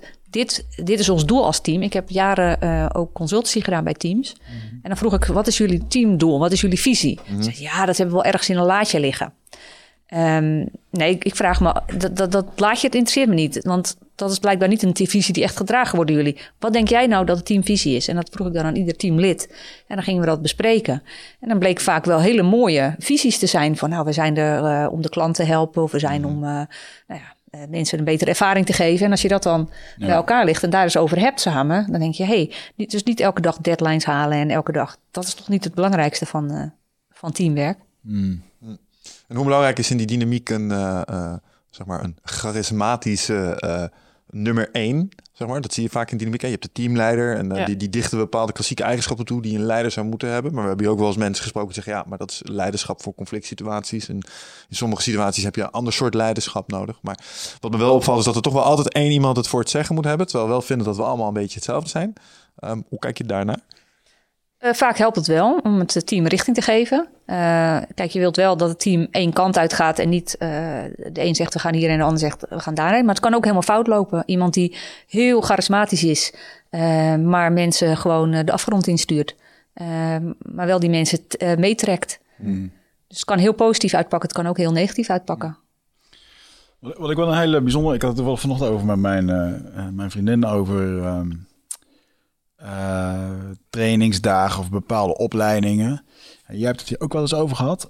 waar een soort van eh, bootcamp-achtige eh, constructie of eigenlijk wat eigenlijk de rode draad is, waarbij de mensen worden afgebroken en daarna weer worden eh, hè, opgebouwd als team, et cetera. Ja. En toen hadden we het even over de verschillende verhalen die daarover rondgaan. En eh, ik kan me herinneren dat jij ooit bij een... Oh, eh, je hebt het over Landmark. Nee, maar dat, dat is één van de. Hè? Ik bedoel, laten we wel ja, wezen, want ja, dit, ja. dit soort dingen zijn er heel veel. Waarbij mensen echt gewoon uitgescholden worden, afgekafferd om, om ze te breken, om daarna weer wat te doen. Eh, Kun jij dat eens toelichten wat jij hebt ervaren? En dan wil ik graag jouw eh, visie daar eens op. eh, Oh ja, ik ben ooit een keer door eh oud-werk eh, werkgevers die zaten, eh, die kwamen in aanraking met Landmark Education. Ik weet niet of je dat kent. Het is een soort eh, Wel van gehoord, ja. ja, zelfhulp. Het, het, het, het heeft lichte raakvlakken met het gedachtegoed van Hubbard. Dat is waar ik op, achteraf ook een beetje... Ik heb eerst die training gedaan. Toen ben ik het daarna gaan googlen. Had ik andersom moeten doen. Ehm, maar wat ze deden tijdens die dagen was een hele grote zaal vol mensen. Charismatisch leiden ervoor. En wat ze heel selectief deden was alle weerstand uit de zaal wieden. Dus eh, ze zeiden, oké, wie wil, is niet bereid om eh, helemaal eh, voluit te gaan? Of zich helemaal over te geven aan de ervaring? En dan zaten mensen, ja, ik weet niet wat me te wachten staat, dus ik weet niet of ik daar zo'n zin in heb. En die moesten dan de hand opsteken. Nou, dan is het misschien beter dat je gaat, weet je wel. En ze zaten er heel strak bovenop en ze putten je soort van uit. Je had een paar korte rustmomentjes op de dag en zo. En ze gingen best wel heel scherp op sommige eh, thema's in. Bijvoorbeeld, eh, wat ik daar echt gezien heb, dat vond ik echt... Ik weet niet of het gezond is. Iemand die was jaren seksueel misbruikt door zijn broer. En op de laatste avond eh, is die dan gebeld en die kwam er dan bij. En dan werd het op het podium werd dat, allemaal besproken. Omdat ze echt op die gast hadden lopen inpraten van... Jij moet het doen. En je weet je wel, echt... Ja, net wat je zegt. Ze hadden hem afgebroken. Je hebt die gast, die zie je daar knappen. En dan vervolgens laten ze hem... In dat moment overtuigen ze hem om iets te doen. eh, waarvan je hem gaat vragen... Hm, ik weet niet of dit wel helemaal de bedoeling was. Snap je wat ik bedoel? Ja, ik snap helemaal wat je bedoelt. Ik denk dat je gevoel ook juist, juist is. Afschuwelijk. Ik vind het echt afschuwelijk. En dat is mijn mening, maar er is ook voldoende bewijs dat dit soort dingen ook niet, zo, niet goed werken.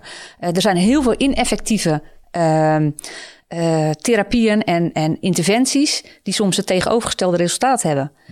En ehm, ik denk dat je mensen hun zelfwaarde niet moet ontnemen, maar eh, versterken. De meeste mensen hebben tekort aan zelfwaardegevoel. Ehm, of veel mensen. Maar wat je ehm, bijvoorbeeld, eh, ik zal een voorbeeld van een aantoonbare eh, slechte interventie geven. Of een interventie die niet werkt, of juist tegenovergestelde effect heeft. Ehm, en dat is eh, dat je Ehm, mensen, zeg maar in Amerika, brengt ze mensen naar de gevangenis die op het eh, punt staan om eh, criminele dingen te doen of al net gedaan hebben. En die zijn ook eh, at risk. En die laten ze dan in de gevangenis met, een, met inmates kennis maken. En die gaan ze dan, eh, eh, die praten dan helemaal op in. Voor, Zoals dit een wil je televisieserie van, toch? Ja, heel veel. Ja, ik, ben- ik moet Is even- dat niet ook dat een van die kwaaie jongens op een gegeven moment door een van die gedetineerden even flink Ja. te kakken wordt gezet van wat wou jij nou, Pipo? Dan kom je ja. mensen als ik tegen, weet je wel? Ja, ja, dat is als je hem begint te janken. ja, ja. Klopt. En eh, da- daar, zijn, daar is een, inderdaad een film van gemaakt. Daar, is, eh, daar zijn series van. Je kan het binge-watchen als je wil. Maar eh, het probleem is dat mensen die, daar, die dat ehm, ondergaan... hebben 7% meer kans om in de criminaliteit terecht te komen. Dus mensen die al heel, heel hoge kans hebben om in de criminaliteit terecht te komen... hebben daarna nog meer kans. Dat is al vanaf de jaren 70 bekend. Wauw. Maar toch blijven we dat doen en daar geld in steken. Je kan uitrekenen dat dat miljoenen kost, de samenleving miljoenen kost, om dat te doen. Niet alleen de interventie zelf, maar ook het gevolg wat het heeft. Weten we waarom dat is? Dat die 7% nu ineens waarschijnlijker is. eh, waarom is dat? Nou, het is, heel, eh, het is, het is eigenlijk vrij simpel. Je, je laat mensen eh, die toch al het risk zijn, laat je ook nog eens een voorbeeld zien van mensen die eh, al een stapje verder zijn. Dus die zijn eh, goed in de criminaliteit beland. Nou, dat waren toch al hun voorbeeldfiguren. Dus in plaats dat ze iets beters te zien krijgen en een pad te zien krijgen waarin ze juist eh, eruit kunnen eh, komen. Dus hè, bijvoorbeeld mensen van, van, die uit de criminaliteit gekomen zijn en een mooie eh acade- of academische of gewoon een carrière hebben gemaakt. Nee, je laat ze zien, je geeft ze een voorbeeld wat ze toch al hebben in hun Ja. dagelijks leven. Laatst hadden we het hier ook over. Ik vraag me dat toch, toch stiekem wel af. Dat namelijk sommige mensen de neiging hebben om criminelen op een soort eh, voetstuk te plaatsen. Ergens zijn het ook een soort van archetypische helden of zo. Ja, of anti-helden misschien. Ja. Zit jij eh, vaak in je hoofd? Eh, neem je heel veel informatie tot je video's, podcasts, boeken? Eh, nou, voel je niet schuldig, dat doen heel veel mensen natuurlijk. Maar vaak zijn we op zoek naar antwoorden. Gaan we nog meer informatie tot ons nemen. Terwijl ja, de antwoorden liggen toch echt in onszelf. En dat is iets wat we voelen met ons lichaam. Maar vaak zijn we zo erg in ons hoofd bezig ja, dat we dat ook niet meer, dat we daar niet meer echt goed bij kunnen. En dat is graag waar ik je voor uit wil nodigen. Voor Rite of Passage. 24, 25 en 26 mei is er weer een nieuwe editie voor mijn retreat voor persoonlijke ontwikkeling. Waarbij het thema echt is om uit het hoofd te komen in dat lichaam. Want dat is waar je alles ervaart. En ik wil dat je gewoon weer in contact komt met, met die, die intuïtie. Ehm, ja, en dan gewoon een heel sterk eh, innerlijk kompas. Dat je gewoon weer weet waar je naartoe moet, wat je te doen staat. En dat je gewoon weer helderheid hebt over wat je wilt en hoe dat je dat gaat doen. En dat doen we middels uh, bio-energetische oefeningen, dynamische meditaties, een stuk shamanisme zit erin. Het enige wat er bekend is van het programma is dat er een zweethut in zit. Uh, en natuurlijk gewoon hands-on persoonlijk leiderschap. Uh, dit retreat krijgt een 9,2 gemiddelde van meer dan 331 deelnemers. Daar ben ik ontzettend trots op. Sterker nog, er is ook een money back guarantee. Vind je niks na drie dagen, krijg je gewoon je geld terug. Dus het enige risico dat je loopt, is dat je gelukkiger wordt. Klinkt dit als iets voor jou en durf je het aan? Dan zie ik je op Ride of Passage. Ga naar wichertmeerman.nl en klik op Retreat. Enig idee waarom dat is? Uh, het heeft iets stoers natuurlijk, om, om, om de wet te kunnen breken en, en dingen te kunnen doen die anderen eigenlijk niet mogen. Het, het, het idee, jij, jij houdt je netjes aan de wet en je denkt, nou, iemand die doet dat gewoon lekker niet. En ja. nou, het heeft ook wel wat. Dus ik denk dat het daar ook wel een beetje mee te maken heeft. Ja, een soort bewondering voor de, het interesseert me allemaal niks houding. Ja, wij allemaal best wel eens ons zorgen maken om wat mensen ervan vinden en daarom dingen wel en niet doen. Ja, we houden heel veel rekening, tenminste ik, uh, de meeste mensen houden veel rekening met anderen. Wat zouden anderen van ons denken? Hoe te, is, is het wel, uh, moet ik dit wel doen? Uh, kan ik het niet anders doen? En mensen die daar lekker overheen stampen en gewoon vrolijk hun eigen gang gaan. Nou, het mm. heeft wel wat. Ja, dus nee, 9 van de 10 angsten gaat sowieso over wat anderen van ons vinden. Als je dat terugrekent waar je allemaal angst voor hebt, dan... Denk ik ook wel, ja. Behalve voor doodgaan en is dat toch wel volgens mij een dikke nummer 2, ja, dat zou heel goed kunnen. wat we hier wel eens hebben uh, gehoord, is dat dat voor een belangrijk deel te maken heeft met het feit dat je geëvalueerd bent om in een kleine groep te overleven. En dat uitbanning dood betekent. Uh, en dat je daarom zo altijd je zo druk maakt over wat je status is in groepjes. En die coalities er zo toe doen. Dus, uh, hoe kijk jij in dat opzicht? Want je kende Mark van Vught. Hoe kijk jij naar evolutionaire psychologie in combinatie met, met, met dit soort thema's die we bespreken? Uh, ik denk dat het heel nuttig uh, kan zijn. Het is uh, heel lang heel lastig geweest, want we kunnen niet meer teruggaan in de tijd en kijken wat er nou precies, hoe dat nou precies ontwikkeld is. Ik denk dat Mark doet heel interessant onderzoek is. Mm -hmm. En ik denk dat heel veel dingen daar ook vandaan komen. Inderdaad, dat van die kleine groepen ontwikkel, dat, dat we daardoor ja, zijn gewoon sociale wezens. Ons hele brein is ook geëvalueerd om sociaal te zijn. Mm -hmm. dus je kunt de mensen niet loszien van de context. Uh, wat ik een heel belangrijk thema daarin vind, is uh, sociale uitsluiting. Dus als je mensen uh, binnen een groep uitsluit, nou, dat heeft zoveel impact, dat, daar word je echt diep ongelukkig van. Ja, uitsluiten, ja.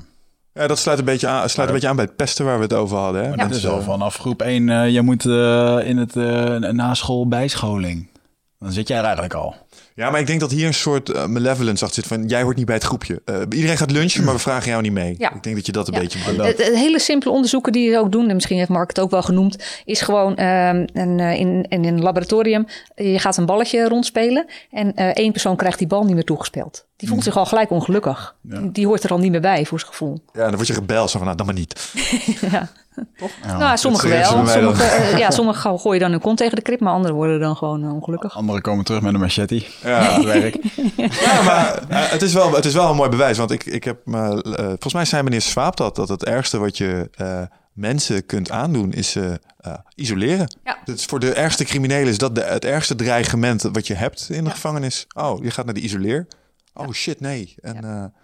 ja omdat je niet in een aanraking bent met mensen niet met mensen, maar ook sensorische input. Uh, dus als je helemaal niks meer hoort en niks, dat is echt verschrikkelijk. Mens is ge gebouwd om, om dingen waar te nemen, continu mm. ook geluiden, alles.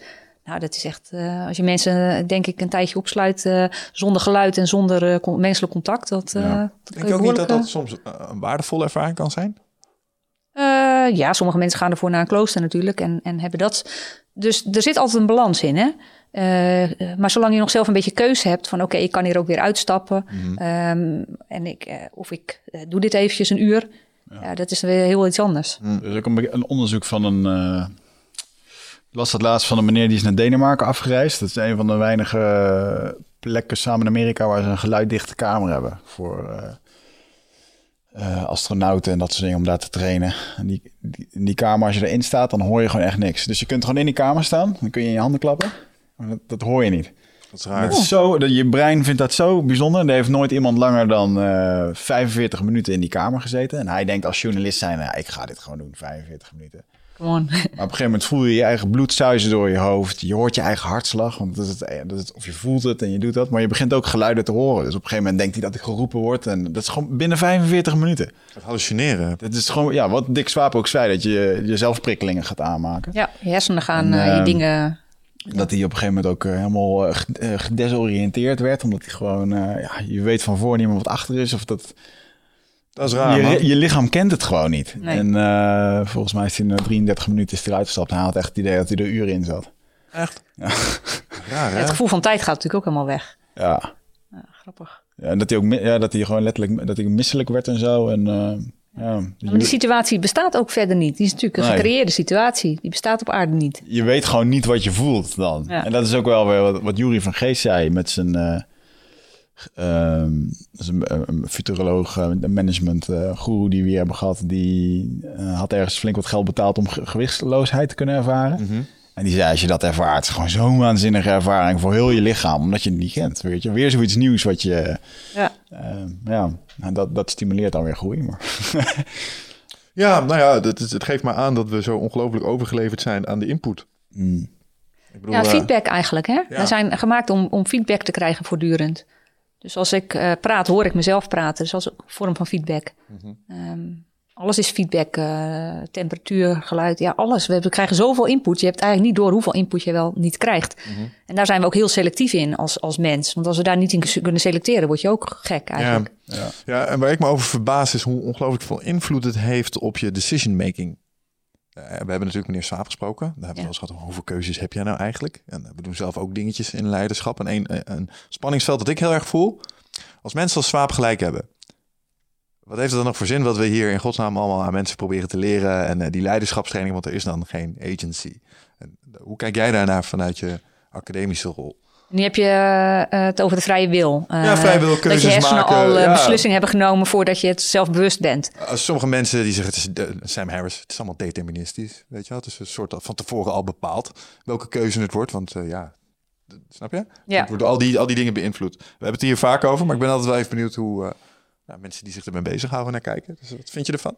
Ik hou me niet expliciet bezig met vrije wil, maar als ik naar mijn eigen leven kijk, dan eh, heb ik zo vaak eh, dingen in een richting moeten sturen eh, van mijn doel. Dus dat doel is het enige wat me op een gegeven moment op de been hield.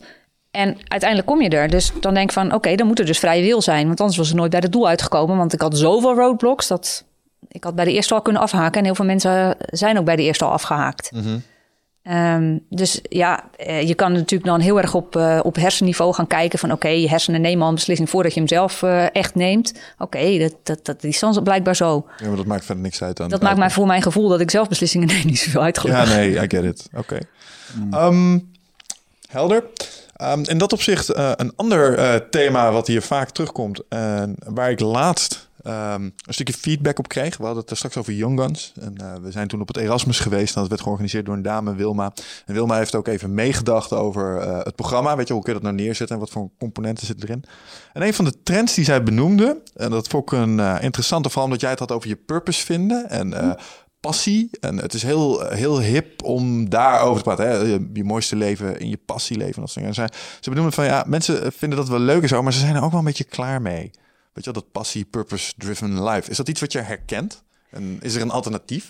Ja, eh, eigenlijk eh, is het belangrijk dat die purpose en die passie onderdeel uitmaakt van een groter geheel. Want het werkt niet zo goed een hedonistisch eh, genoegen, zeg maar. Dat je alleen maar voor jezelf en voor je eigen ervaringen gaat. En dat je weer gaat uh, diepzee duiken en ergens, uh, weet ik veel, gaat bungee jumpen. Dat zijn allemaal losse ervaringen. Maar als jij zegt van oké, okay, maar mijn purpose is een onderdeel van een groter geheel. Bijvoorbeeld bij RSM hebben we nu een nieuwe missie. En dat is to be a force for positive change in the world. Um, ik dacht zelf bijvoorbeeld altijd dat ik niet zo um, idealistisch was. Ik dacht van ja, weet je, heel veel wereldproblemen. Ik kan niet zoveel aan doen. En als mensen naar Afrika gaan, ik vind het hartstikke goed van ze. Mm-hmm. Maar ik zou niet weten wat ik daar zou moeten of willen doen. En toen kwam ik op dit onderzoek. En toen merkte ik dat dat heel veel verschil uitmaakt voor studenten die het enorm moeilijk hebben.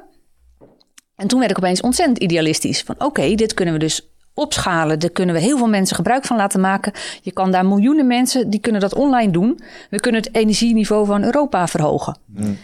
Nou, ineens bleek ik veel idealistischer dan ik zelf had gedacht. Maar dat geeft me ook heel veel energie. Want als het dan tegen zit, dan denk ik van ja, maar dit is mijn doel. Mijn doel is het om ervoor te zorgen dat andere mensen een doel krijgen. Mm. Dus dat is, eh, Dat is een zeer nobel doel. ja, het is het, het is het gevoel dat je een onderdeel bent van een grote geheel. En sommige mensen vinden het veel fijner om het één op één te doen. Eén op één coaching, één op één. Ik heb bijvoorbeeld ook gedacht, van zal ik klinische psychologie gaan eh, studeren? Toen dacht ik, ja, dan komen mensen met vreselijke problemen. Dat kan ik helemaal niet tegen. Dat, dat, dat trek ik me allemaal veel te veel aan. Ja, menselijke geest is in dat opzicht een eh, heel eh, complex en bijzonder apparaat. eh. Ehm, Ja, is, is iedereen klaar om, eh, om hiermee aan de slag te gaan? Je hebt maar één leven. En ehm, ja, we weten, dat is eigenlijk het gemene van het menselijk leven. Het eindigt op een gegeven moment. Eh, met die wetenschap moeten wij leven. Maar het is wel fijn om van je leven het mooiste te maken eh, wat je kunt.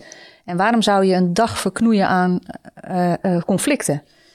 Kom, kom jij dan veel ehm, ehm, studenten tegen? Want als je bijvoorbeeld opgegroeid bent in een con- conflictzoekend gezin, waar vader en moeder continu naar conflicten zoeken, omdat ze het zelf niet eens in de gaten hebben, je bent niet anders geconditioneerd. Ja. En ehm, vervolgens kom je bij jullie op school en dan moet in één keer heel erg oplossend gedacht worden. En eh, je ziet studenten om je heen, zoals een, eh, een Michel die daarmee bezig is. En dan kan ook wel heel erg, eh eh, ah, is dat natuurlijk al een hele grote spiegel, maar ook heel erg zo van, ik ken het helemaal niet. Eng. Eh, Weet je, een hele andere wereld. Heb je, heb je dat soort studenten die daarmee struggelen, die in één keer de, de omslag moeten maken? Dat weet ik eigenlijk niet. Ik was eigenlijk zelf zo'n student. Ik kom zelf uit een heel eh, moeizaam gezin. Eh was altijd ruzie thuis. Maar ik vond het op school heerlijk. De rust. Eh, ik, werd, eh, ik hoorde het helemaal niet bij. Ik had ook geen vrienden, geen, nauwelijks vrienden en vriendinnen. Maar gewoon ja, de, de kennis die ik daar kon opdoen. En, en iets leren, iets zinvols doen. Je, je praat daar nu zo eh, van, ik had helemaal geen vrienden, geen vrienden. Het lijkt me dat je dit voor jezelf hebt doorgedacht. Zo van, was daar een reden voor? Ehm, ervaar je dat nu nog zo? Dat je gewoon wat meer, dat je een prima eindselganger bent? Of dat je ehm, juist dat gewoon vermijden vanwege eh, de thuissituatie? Eh, nou, eigenlijk waren wij, eh, werden wij als gezin eigenlijk uitgesloten. Dus we waren een beetje raar. Dus we hoorden er gewoon niet bij, klaar. Ik, we hadden geen televisie thuis. We hadden rare kleren aan. Nou, daar hoorde er gewoon niet bij. En dan, ik wilde het wel graag, maar ik wist niet hoe ik het moest doen. Kijk, als je dat van jongs af aan niet krijgt. Op een gegeven moment zat ik op een best wel leuke school. Maar ik wist niet, niet hoe ik vriendjes en vriendinnetjes moest maken. Dus ik ging altijd aan de kant staan. Ja, Dus dat, ja, ik had wel behoefte aan. Alleen, het gebeurde gewoon niet. ja, Nou, nu wel hoor. nu wel. Ik heb geen hele schaar eh, vrienden en vriendinnen, maar... eh, enigszins gecorrigeerd uiteindelijk. Heb jij veel vrienden? Ja, ik, nou, ja, nee. Ik ken een boel mensen waar ik heel goed mee kan. Ehm, en ik heb een groep van eh, acht jongens nog, die ik van vroeger ken.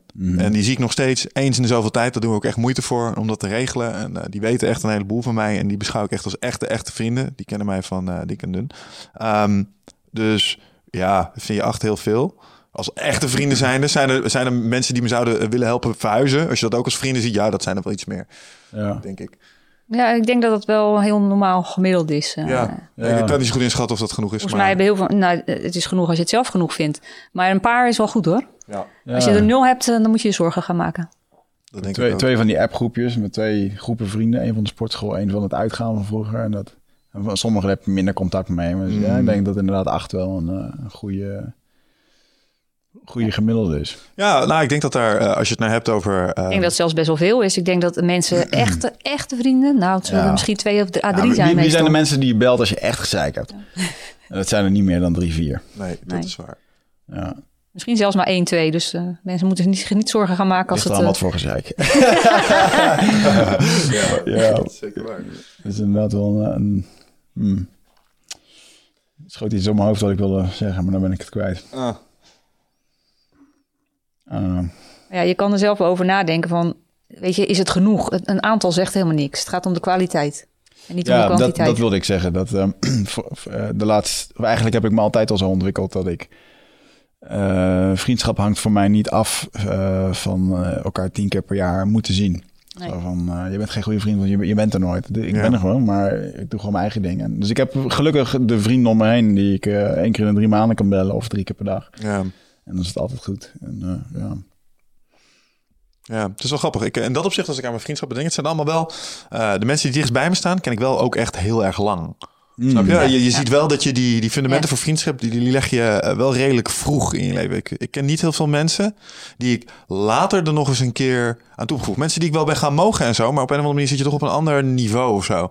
Snap wat ik bedoel? Bij mij is dat gegroeid vanaf mijn eh vijftiende. Dat zijn jongens van het sporten, want toen was alleen maar sporten. Ja. En die andere groep is wel een beetje gekomen om 18 en 19e. Ja. Voor die tijd, voor mijn vijftiende. Er is één jonge boy, wat eh, een van mijn beste vrienden is. Die, die eh, ken ik al vanaf groep eh, vier. Mooi. Dat is fucking mooi. Af groep 7 kwam hij bij ons. Hij komt van een andere basisschool, kwam bij ons. En eh, eh, tot nu nog steeds gewoon goede vrienden. En dat is wel uniek. Maar verder van die basisschool... Ja, nu op Facebook is het leuk om af en toe... eh, zie je namen voorbij komen en denk. Hey, wat is van hem terechtgekomen? Oh, hij ziet er zo uit, weet je wel. En, eh, Ja. eh, maar dat is maar eentje. Maar daarvoor, nee, echt niet. Dus ik, ik zou ook niet... ehm, ik weet nog dat er toen heel veel discussie was over... als kinderen dan gingen verhuizen in een basisschooltijd... en dat dat... Oh, je moet ze niet wegnemen van hun vriendjes en dat soort dingen. Ja. Ehm, Ja. eh, of, of in het buitenland studeren en zo. Ik denk dat het helemaal niet zo'n zo'n slecht effect heeft voor kinderen... om eh, af en toe van omgeving te veranderen. En die, die vriendjes, raken, ja, raken ze dan echt heel hun sociale leven kwijt? Nee, ik heb daar niks van gemerkt in ieder geval. Ja, ik denk altijd dat moet je onderzoeken en dan op hoog niveau, groot niveau bekijken. Maar dan nog verschilt het per kind. Eh, ik heb nu ook een eh, zoontje van twee. En eh, ik merk nu dat hij in grote groepen veel te veel informatie opneemt. Hij zit rustig te spelen, maar na de dag daarna is hij gewoon onhandelbaar. Dus ik heb hem nu naar een gasthouder gedaan met maar heel weinig kinderen. Want dat is voor hem veel beter. Dat merk ik gewoon. Ja, ja, hij merkt gewoon dat hij zoveel prikkels krijgt... dat hij de volgende dag gewoon niet meer functioneert, als het ware. Nee, dan is hij echt onhandelbaar de dag erop. Nou, bijzonder. Dat het dan zich zo ook uit. Ja, nou ja, met twee van zulke ouders eh, is het ook weer niet zo gek natuurlijk. Wat doet de andere ouder? die is eh, taekwondo-leraar. Oh, kijk. Nou, Een mooie combinatie. mooie combinatie, ja. Dus hij staat iedere dag op de pet om jullie uit te razen... nadat hij terugkomt. eh. Nou, en hij heeft al zijn eigen kussens eh, in huis. Ja. Ja, mooi. Maak lawaai, jongen. Kun je de buren niet aan doen. Ja, dus hebben, ja, er zijn van die aparte trapkussentjes... die zijn dubbel gelaagd of zo, toch? Die geven die harde pads. Ja, als je eh, die- in de gym waar ik vaak trainde, was ook zo'n uh, taekwondo gast. Die trainde daar dan met zijn uh, sensei. En die hebben zo'n aparte pet. Dat is zo'n soort, eh, ja, ik weet niet, Ja. zo'n zo'n lepel of zo. Ja, en ja, dan ja, ja, maak ja. lawaai, jongen. Ja, Ja, staat, staat. Dat is wel mooi. klopt. Heeft wel iets. Ik word altijd heel opgefokt van als ik daarnaast sta te trainen. Dan ga ik zelf ook meer mijn best doen. hey, over, over vriendschappen. Hè? We hadden het net over eh, eh, teams en dat soort dingen. Hoe Ja. kijk je aan tegen vriendschappen op de werkvloer? Want wat ik heb gemerkt is, eh, ik ben op een gegeven moment was ik lid van een team en dan ga je vaak met mensen om. En op een gegeven moment kom je zelfs bij mensen thuis in je, aan je eigen tijd. Ja. En toen ben ik gepromoveerd naar een leidinggevende positie. En Ja. toen was dat snel voorbij. Ehm, hoe zie je dat? Ja, dat is heel lastig. Ehm, het kan goed uitpakken, maar het kan ook helemaal verkeerd uitpakken. Ehm, en ik heb zelf gemerkt dat eh, bij een, eh, zeg maar een hoogleraar waar ik eh, dan vaak over de vloer kwam, op een gegeven moment kreeg hij een relatie binnen onze vakgroep. En eh, vervolgens ja, was die vriendschap helemaal in één keer een klap over. Want hij ging scheiden van zijn vrouw. Maar ja, we kwamen bij elkaar als vrienden over de vloer. Dus dat wa- was, toen het goed ging, was het niet zo erg. Maar toen dat misging, ja, toen ging het ook echt goed mis. Eh, want ging hij ook tegen mensen zeggen dat ze niet meer moesten samenwerken. En ging hij eigenlijk in wezen mijn hele carrière torpederen. Oh, wow. Dus het kan echt onwijs fout uitpakken. Het kan ook gewoon heel goed gaan, denk ik. Geloof ik nog steeds. Maar ik moet eerlijk zeggen dat het eh, bij mij nog niet zo heel erg nu meer is voorgekomen dat ik vriendschap op de werkvloer heb. Tenminste, niet, niet binnen dezelfde vakgroep. Laat ik het zo zeggen. Ik heb heel veel vriend, eh, vriendschappelijke eh, omgang met mensen in Nederland en met mensen in het buitenland. We zien elkaar vaak, maar dan niet meer zo heel erg op sociaal vlak. Ja. Ja, ik denk dat je wel vriendelijk kunt zijn eh, tegen je collega's. Zeker als je in de teams werkt en dat soort dingen. Maar eh, ik heb daar to- toen de tijd... Oh, kijk, Wigert mag niet bij mij thuiskomen. Donder hem op. eh dat komt niet goed. Nee, geintje. Dit is, eh, ik bedoel, ik moet zeggen, en dat op zich hebben wij een hele fijne samenwerking. Maar wij zijn ook als vrienden begonnen. Uh, Ja. en je bent niet dat je mensen in je professionele context tegenkwam... en dat je daarna een soort vriendschap ontwikkelt. Ik denk dat dat ook anders is. We hebben wel een rare manier van samenkomen. Want we hebben wel... het is niet dat we elkaar in onze vrije tijd vaak zien. En eh, Nee, nee. Maar ik heb begrepen dat, Nick, dat Nick en Simon dat ook niet ik doen. zie je ook niet echt als vriend of zo, maar als compagnon. Weet je. ik was gewoon even boos toen je dat zei. Ja. Maar dit ja, ik snap het, ja. Ja, maar jullie kunnen dingen wel tegen elkaar zeggen. En dat is wel heel belangrijk. Dat is de ik denk basis dat dat, geweest van onze Ja, ja. samenwerking. Ik denk dat dat een van de krachtigste ingrediënten is. Wij, wij winnen er geen doekjes omheen. Als je extreem leuk. eerlijk tegen elkaar kunt zijn, dan eh, ik denk, kan het heel goed uitpakken. Ja, en het ook kunnen eh, eh, absorben. En, eh, Manager, ja. ja, maar Ja. het is wel... ik merk wel dat onze dynamiek eh, wel anders, anders is dan bij andere eh, collega's. Ik had bijvoorbeeld bij mijn vorige bedrijf eh, zaten drie investeerders en die, eh, ja, die, die werkten echt met elkaar. waren ook wel natuurlijk vrienden, maar die werkten gewoon met elkaar. En maar daar- daarbuiten heel amper eh, Contact. contact of dingen. En dat, eh, maar goed, dat ontwikkelt zich natuurlijk zo. Ja. Ja, maar wat ik al zei, wij, wij belden elkaar eh, voordat we begonnen samenwerken, hadden we elkaar ook wel aan de lijn over dingen des, eh, van het leven, zeg maar. En eh, veel over gesproken, destijds over je broer, over mijn moeder. Ja, dat schept toch een soort andere band, denk ik. En dat Ja. is anders dan iets wat je opbouwt op het moment dat je gaat, Ja. dat je mensen leert kennen in een professionele context. Ja, Ja, dus als je een soort disclosure naar elkaar toe hebt, dat schept al heel veel vertrouwelijkheid en een band. Ja, dat noemen we dan. kennen elkaars diepste geheimen. En we, daarom hebben we ook een wel. soort van leverage. dat heet MAD volgens mij, eh, Mutually Assured Destruction.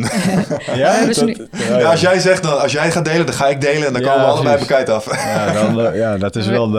Het is een soort een beetje een nucleair wapenbeleid. Ja, dat is je wat ik wel. bedoel. Ja, Maar goed, als je het nu weer deelt eh, met iedereen, dan, dan is ja het dan geen is de leverage kracht meer ook helemaal natuurlijk. weg. Ja. ik denk dat dat ook de beste manier is als er ooit iets...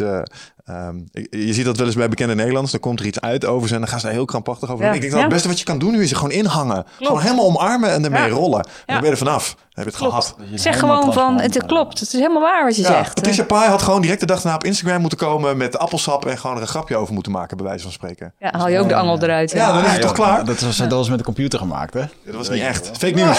Fake news. Dat is, oh, dat is trouwens wel bizar. Ik zat er nog te kijken vorige week. Een, ehm, het ging over fake news. Dat ze nu dus al met arti- artificial intelligence ehm, gezichten kunnen namaken. En je zag gewoon president Poetin anders nagemaakt.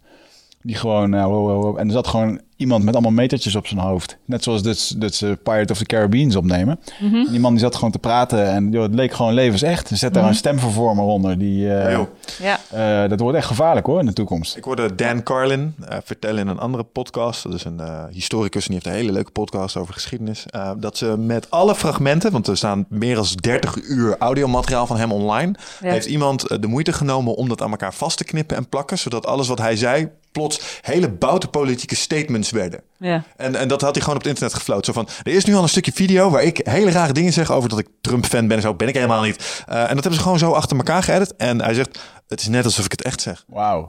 Ik ben het. En ehm, eh, nu moet ik dit straks gaan bestrijden. Snap je? Nu moet ik zeggen vertellen. Nee, dat heb ik helemaal niet verteld. En, en peuten mensen dan, dan, dan nog maar eens aan het verstand dat je het niet was. Ja, maar ik heb hier toch echt een video waar jij dit aan het vertellen bent. Ja. Dat is raar. ja, heel bizar. Maar Hoe gaan we dat regelen? Hij had wel een hele grappige quote daarin. Dat eh, deze man vertelt, eh is een geschiedenisleraar die vertelt over eh, de, de Mongolen Genghis Khan. En die kan dat op zo'n mooie manier doen. En daar betalen mensen hem voor die podcast.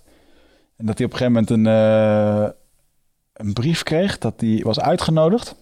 Oh ja. kreeg hij een soort van brief van de overheid. Eh, ticket werd betaald, maar hij moest naar Washington komen. En hij denkt, ja, dit is, dit is gewoon een grap. En het zag er ook niet... Hij kreeg gewoon dat briefje en zo. Hij, hij belde naar een ander. Toen zei hij ook verder, krijg ik een of andere Duits sprekende... met een Duits accent, een of andere dude aan de telefoon. Nou, die brief was dan wel echt. En of ik dan naar die- Washington wilde komen voor eh, eh, iets van advies of zo. Denk, denk.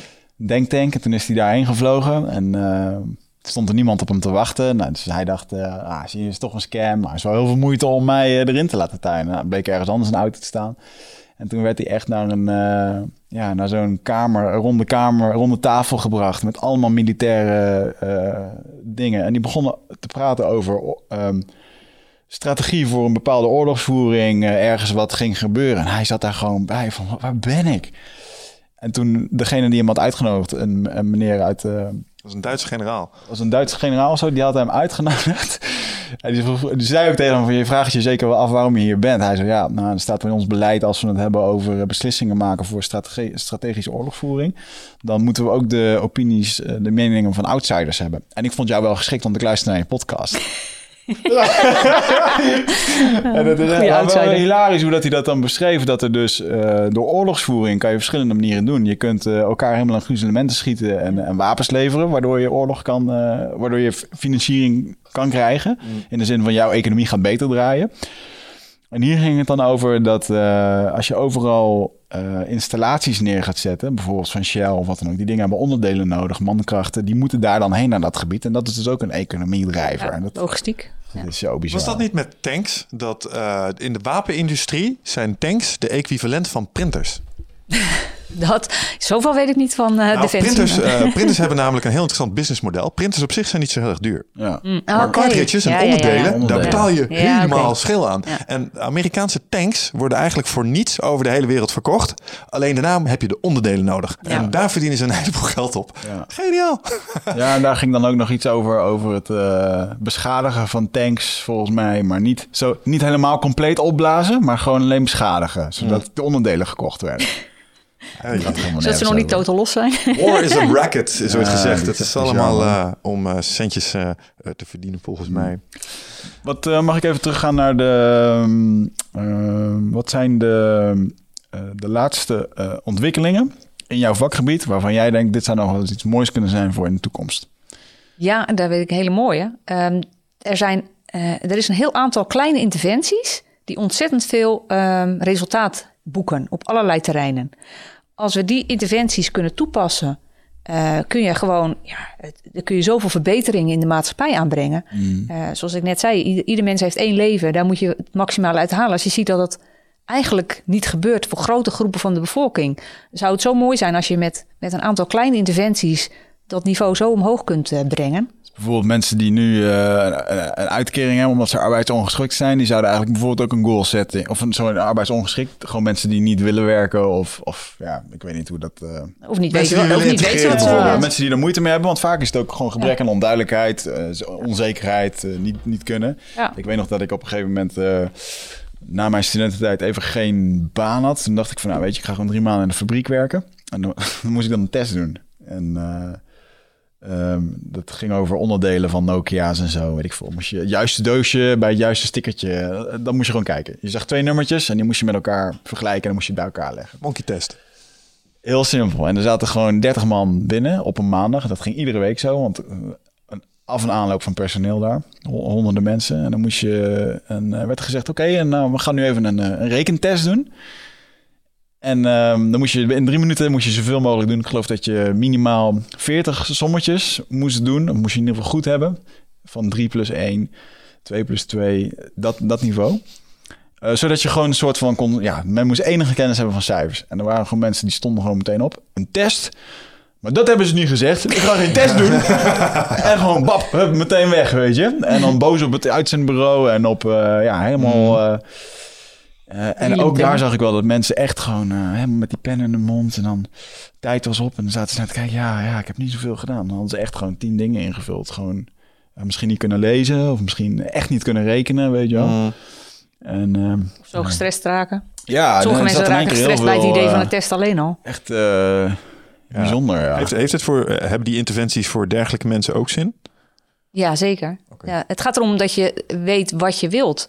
Nou, als je zeker weet dat je daar niks mee wilt, maar wel iets heel anders. eh, gewoon met je handen werken. Of, Ja. eh, en, en natuurlijk moet het dan niet zo'n enorme geschreven interventie zijn. Maar er zijn zoveel simpele interventies die, die dat al omhoog kunnen stuwen. Zou, zou, een dergelijke, ehm, eh, zou een dergelijke interventie ook helpen als je bijvoorbeeld vragen eh, stelt waarbij je een situatie voorlegt? Ik wil nooit meer puntje, puntje en laat ze kiezen uit een aantal dingen. Heeft dat al hetzelfde effect of moet het echt uitgeschreven worden door ze?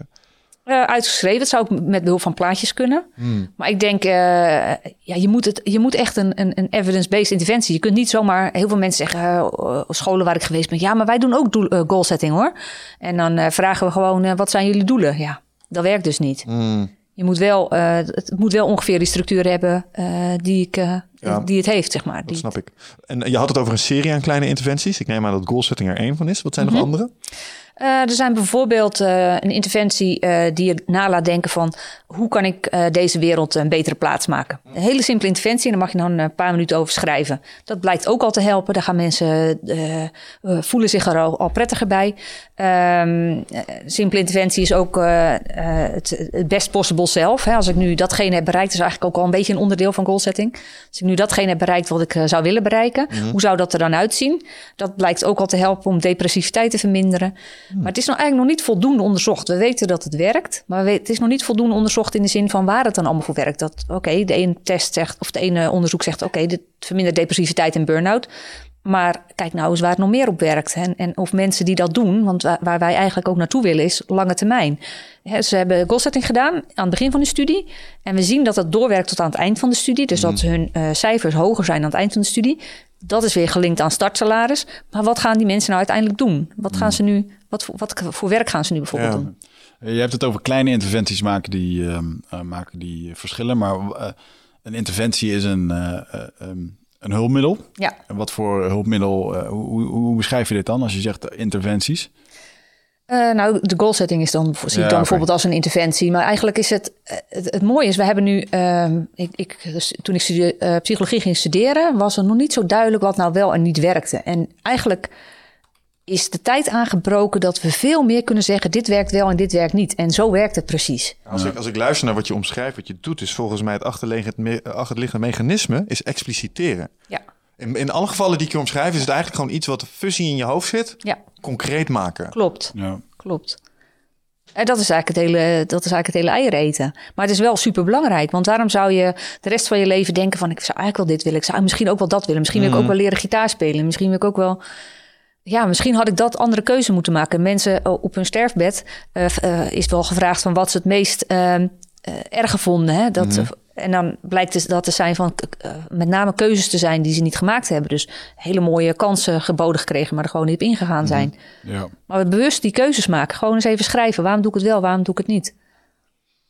Ja, wat, wat denk je dat het is dat, dat mensen dat nodig hebben? Is het gewoon het, het, onvermogen van onze hersenen om in die weervar van opties, mogelijkheden die je tegenwoordig hebt, eh, zeg maar, eh, de juiste keuze eh eruit te abstraheren? En, en helpt het gewoon om het op papier te zetten, omdat je er eigenlijk mentaal niet, niet voor gebouwd bent? Is het zoiets? Ja, ik denk dat dat inderdaad een soort bias is. Als je het voor je ziet, is het anders dan dat, je het, dan dat het in je hoofd zit. Ik weet niet exact hoe ik dat moet omschrijven, maar dat Ja. is, dat, zo werkt het gewoon. Ja, ik vind het wel interessant om er, om er, om er dan achter te komen wat dat dan het, het achterliggende is. Want anders is het fusie, weet je. Dan is het Ja, gewoon een soort magie. Ja, zo werkt het niet volgens mij. Nee. Ja, het is, het is, een, het is een aantal dingen. Eh, het is het opschrijven zelf. Dus de, de act of writing is al belangrijk. Dus gewoon het schrijven zelf is, eh, werkt ook soms therapeutisch. Eh, daarnaast, eh, het is een, het is een combinatie-interventie eigenlijk. Eh, daarnaast het heel duidelijk stellen van doelen en subdoelen. Maar dat kun je het beste geschreven doen. Want in je hoofd kun je dat niet mooi ordenen. De meeste mensen kunnen dat niet. Ik kan het in ieder geval niet. Dus als je dat op papier zet, kun je dat ook ordenen. Het ordent je gedachten eigenlijk ook bijna letterlijk. Ja. Ja, het externaliseren, het externaliseren van die dingen. ehm, ja, ik heb dat ook. Vaak ken, ken je dat? Dan eh, ben je bezig met een project. denk je, oh, moeilijk, stress, paniek, pil. En dan het gaat allemaal nooit lukken. En dan maak je even een lijstje met wat er echt moet gebeuren. En Ja. dan zie je dat voor je. En dan denk je, oh, waarom maakte ik hier zo'n trammeland van in mijn hoofd? Mm. Dat heb ik regelmatig gehad. In je hoofd is het een berg en eh, is het een, een, een weerwar van dingen die moeten gebeuren. Vaak helpt het, eh, als het echt niet meer ziet zitten, en het opschrijven helpt ook niet, een stukje gaan hardlopen. Ja, dat is ook iets juist wat... even niet eraan werken. Ja. Context switches.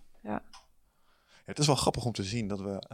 Eh, kijk eens naar wat we hier doen. We podcasten, er is een heleboel technologie voor nodig. Het heeft best wel even geduurd voordat we dat allemaal bij elkaar hebben weten te krijgen. Maar als je soms kijkt naar hoe ongelooflijk ongeorganiseerd en ongeleide projectielen eh, we als mensen kunnen zijn in het najagen van doen, is het soms een godswonder dat het allemaal zo aan elkaar is blijven kleven en dat het allemaal werkt. Dat, we- dat we überhaupt nog iets voor elkaar krijgen, bedoel Nou ja, dat het, eh, als je kijkt naar het individu en hoe eigenlijk hoe ongeschikt we zijn om, eh, om doelen na te jagen, tenzij we echt heel actief eh, met middels dit soort eh, middelen, zeg maar, het voor onszelf gaan regelen. Dus Ja. het is soms- best wel miraculeus om te zien hoe ver we je kunt komen. Ja, Ja. klopt. Klopt. Nou, mensen kunnen eigenlijk veel meer dan je, ja, dan je zelf denkt. En je weet dat ook in, een, in, bepaalde stresssituaties... dat mensen bovenmenselijke of bijna bovenmenselijke krachten kunnen krijgen. Mhm. Ja, dat je opeens een auto kunt optillen als je, eh, weet ik veel... eh, als er iemand onder ligt die eh Die dierbaar is. dierbaar is. Hey, een andere interventie waar we al kort even over gesproken hebben, maar die ik, ehm, eh, die ik ook heel interessant vind, eh, is reflectie. Ja. Ehm, jij hebt een, eh, een network volgens mij, de Ref- Reflexivity Reflexivity Network. Ja. Ehm, en eigenlijk promoot dat actieve, actieve reflectie, dus momenten kiezen van bezinning. Klopt. Wat is het? Wat is de waarde van reflectie die jij eh, zeg maar, weet te bloot te leggen in je werk? Ehm, nou, ik, heb, ik kan het aan de hand van een voorbeeld uitleggen. Ehm, we hebben gekeken bij studententeams. Eh, heb ik gekeken ehm, als zij een slecht cijfer halen voor hun eerste opdracht. En die opdrachten zijn dan wel, moeten dan wel gelinkt zijn. En ze reflecteren heel goed. Eh, dan leren ze er meer van en eh, vervolgens is hun eindcijfer beter. Dus een, een slecht begincijfer hoeft je niet, eh, op, terwijl er wel een punt 50,60 correlatie is. Dus een hele hoge correlatie tussen het begin en het eindcijfer. En dan nog kun je het flink verbeteren door tussentijds te reflecteren. Oké, wat hebben we goed gedaan? Wat hebben we fout gedaan? Hoe kunnen we het verbeteren? Hoe kunnen we zorgen dat we wel in de goede richting komen? Teams die dat niet doen, die blijven op hetzelfde niveau zitten. Teams die wel reflecteren, die halen een hoger eindcijfer. Ja. Klinkt eigenlijk heel logisch als je het zo zegt. Ja, waarom eigenlijk moeten we dat ontdekken? Dat soort dingen vraag ik me dan altijd af. Ik, dat weet ik eigenlijk ook niet. Eh, Omdat het niet vanzelf gaat. Eigenlijk doen we dat nooit automatisch. Ehm, als ik teams vraag van reflecteren jullie wel eens? Nou ja, daar hebben we eigenlijk geen tijd voor. We zijn altijd zo druk met werk en we zijn druk met andere dingen. Dus eigenlijk ben je bezig met het bezig zijn. En dat wordt ook ge- gestimuleerd in de samenleving. We zijn heel druk. En dat, wordt ook, dat is ook stoer om te zeggen van ik heb het hartstikke druk en eh, ik heb nergens tijd voor. Maar als je dan die tijd neemt om wel te reflecteren, kun je zo'n iets van 25% effectiever zijn. Maar Terwijl je die tijd, zelfs als je die tijd ervan aftrekt, zeg maar, dat je, dat je aan het reflecteren bent. Ja, dus ik wil echt gewoon de planning het helder krijgen. En eh, ik heb dat 's ochtends ook al hoor. Als ik 's ochtends... Ik deed dat, eh, heb ik een keertje gedaan op eh, aanraden van een eh, bekende entrepreneur, Peter Sage. Die dit jaar is opgepakt als omdat hij een of andere grotere boef is. Met een of andere... eh, Wat ja, dat is echt een verhaal joh. Die, eh, deze man, als je die hoort praten, echt goed in doelen stellen. Een miljonair met van alles en nog wat. En die zit in allerlei praatprogramma's. Die had in Dubai hele... ehm, een energiebedrijf waarmee die zonne-energie uit de ruimte wilde opvangen. Met nou, een heel mooi verhaal. Wereldverbeterend eh, met energie. Daar investeerde hij dan. Allemaal in Dubai. Daar woonde hij ook. Eh, dat zei hij ook gewoon vanwege het belastingklimaat. En heel veel in persoonlijk leiderschap. En eh, deze man geeft echt goede trainingen. En ook over eh, hoe, je als persoon in elkaar zit. ehm, in relaties. En uh, kon het fantastisch verwoorden. En eh, man had eigenlijk wel een beetje helder status bij mij. En op een gegeven moment, eh, wat bleek nou? Dat hij eh, een deal had gemaakt met HP, Hewlett Packard, over servers. Dus hij kocht dan die servers in voor zijn bedrijf. Als zijnde van, luister, wij zijn dit grote bedrijf, we zijn de wereld aan het spelen met, met schone energie en dat soort dingen. En Hewlett Packard die had dan een deal met hem gemaakt, waardoor hij heel erg goedkoop eh, software kon, of eh, de hardware kon afnemen. Ging over servers en dingen. En wat hij deed, kocht dus gewoon eh, duizend servers in en die verkocht hij aan eh eldere partijen, omdat hij het zo goedkoop inkocht. Omdat, Oh, en daar, is een, daar heeft ook een bepaalde naam voor. Dat je dat, eh, eigenlijk ben je dan gewoon een soort reseller van HP. Alleen je hebt helemaal niet die rechten en niet die voorwaarden en dingen. Dus het is gewoon voor 17, 17 miljoen had hij de boel lopen tillen of zo. En daar heeft hij, is er ook voor vastgezeten. En hij is nu ook weer op Facebook, waarin hij dan eh, zegt van ja, ik heb in de gevangenis gezeten. Ja, heel mooi verhaal over. Dit is wat ik bedoel. Nu moet je het gewoon omarmen. dat Hier moet je ja, in gaan hangen. Ja, Nou, als, iemand, als iemand dat een soort van doet, dan is hij dat wel. Want hij doet dan, dat was een hele goede les. En mijn ego, bla bla bla. En, eh, maar er zijn dus allemaal verhalen dat hij zelfs de trouwring van zijn vrouw had verstopt. Die dan zoveel duizend was. En eh, die kwamen ze ophalen omdat er geld eh, moest terugkomen. En echt eigenlijk het hele paradigma wat die man met zijn mooie pak en zijn allure jongens. en zijn charme. Dat, en die kennis was ook wel echt. En dat is ook echt goed. Maar dat werd zo te niet gedaan door dit. Eh, hoe kwam ik hierop? En dan wil je een tip delen van deze man. Dat, Ja. was, dat is waar je heen aan het werken was. Eh, waar ging, wat was de En tip soms nou? hebben mensen heel erg twee kanten. En vooral, eh, ik, ken, even- ik ken deze man niet persoonlijk Wat was natuurlijk. nou En- de tip die ik wilde delen? We hadden het over. Oh, wat slecht. Ik weet het niet meer. Ik zit ook te graven. Ik ben het even kwijt. Maakt niet uit. Eh, laat me er even over denken. Wat was nou de tip joh, dat deze man gaf? Geen idee. Maakt niet uit. Kom, kom, het schiet je zo te binnen. Maar even Ja. over wat jij zegt. Ehm, ik denk dat dat ook wel waar is hoor. De dualiteit in eh, mensen. Het is het stevens het gevaar van mensen op een voetstuk zitten trouwens. Ja, vaak hebben mensen, die mensen toch narcistische trekken. Soms ook machiavellianistische trekken.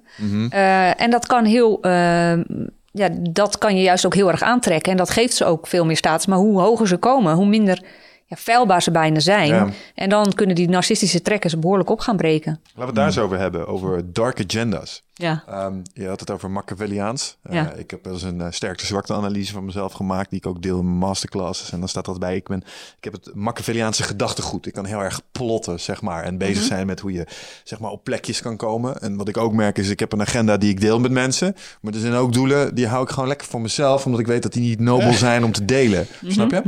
Ehm, hoe belangrijk is het om ook die doelen voor jezelf eh, wel eigenlijk uit te spreken? Ik zeg altijd, je, eh, als, jij, als jouw doel is gewoon... ehm, weet je wel, eh, een beetje onderbiedig. Get money, fuck bitches. Als dat je doel is en dat brengt jou je bed uit, zeg maar. Ik vind het prima. Maar het is niet heel nobel om te zeggen, vinden we met z'n allen. Ehm, hoe kijk je daar tegenaan? Eh, ik denk dat je dat altijd in context moet zien. En ehm, hoe als je daar anderen schade mee toebrengt, dan zeg ik nee, dat is inderdaad niet goed. Als je daar anderen geen schade mee toebrengt, dan eh, zie ik daar het kwaad niet van in. Ja, maar hoe werkt dat dan bijvoorbeeld met eh, eh, ondernemers op Wall Street, waarbij het allemaal best wel cutthroat is? Ehm, en die, die willen gewoon die willen klimmen en die willen rijk worden. En dat gaat soms ten koste van andere bedrijven. Die hebben dat besef niet. Ja. Maar is het dan erg om, wat ik zeg is, ehm, ehm, hoe kijk je dan naar goalsetting aan? Ja. Ik bedoel, is het, ook al is het nobel misschien niet zo doel, het, het doel niet zo nobel, is het dan nog steeds wel ehm, waardevol om het op te schrijven? Snap je? Om, Ik denk eh, dat het wel goed is om het voor jezelf helder te krijgen. Wat we wel expliciet in de, in, in de goalsetting eh, eh, oefening hebben staan. Van, kijk ook naar de brede maatschappelijke context. Ehm, vind je dit voor jezelf aanvaardbaar om dat zo te doen? Denk na over dingen, je doelen bereiken op een aanvaardbare manier. Ik voel me doodongelukkig als ik mijn doel bereik over de rug van anderen. Word ik niet gelukkig van. ja. Ehm, en ik denk dat het altijd moet kunnen. Om je, ik denk zelf dat het altijd moet kunnen om je doelen te bereiken zonder anderen daarmee schade toe te brengen. Of in ieder geval, je kan het proberen, laat ik het zo zeggen. Ja, ik denk als je het in een andere uiterste doet. Ik bedoel, kijk, eh, als, een, als iemand crimineel is en hij heeft grote dromen om een flinke slag te slaan eh, en hij eh, neemt ergens een diamant mee van 30 miljoen, dan is dat toch wel groot denken. En ook daarin kan je iemand niet eh, ontkennen dat hij big high goals, eh, big Ja. hairy goals neerzet, weet je wel. Ja.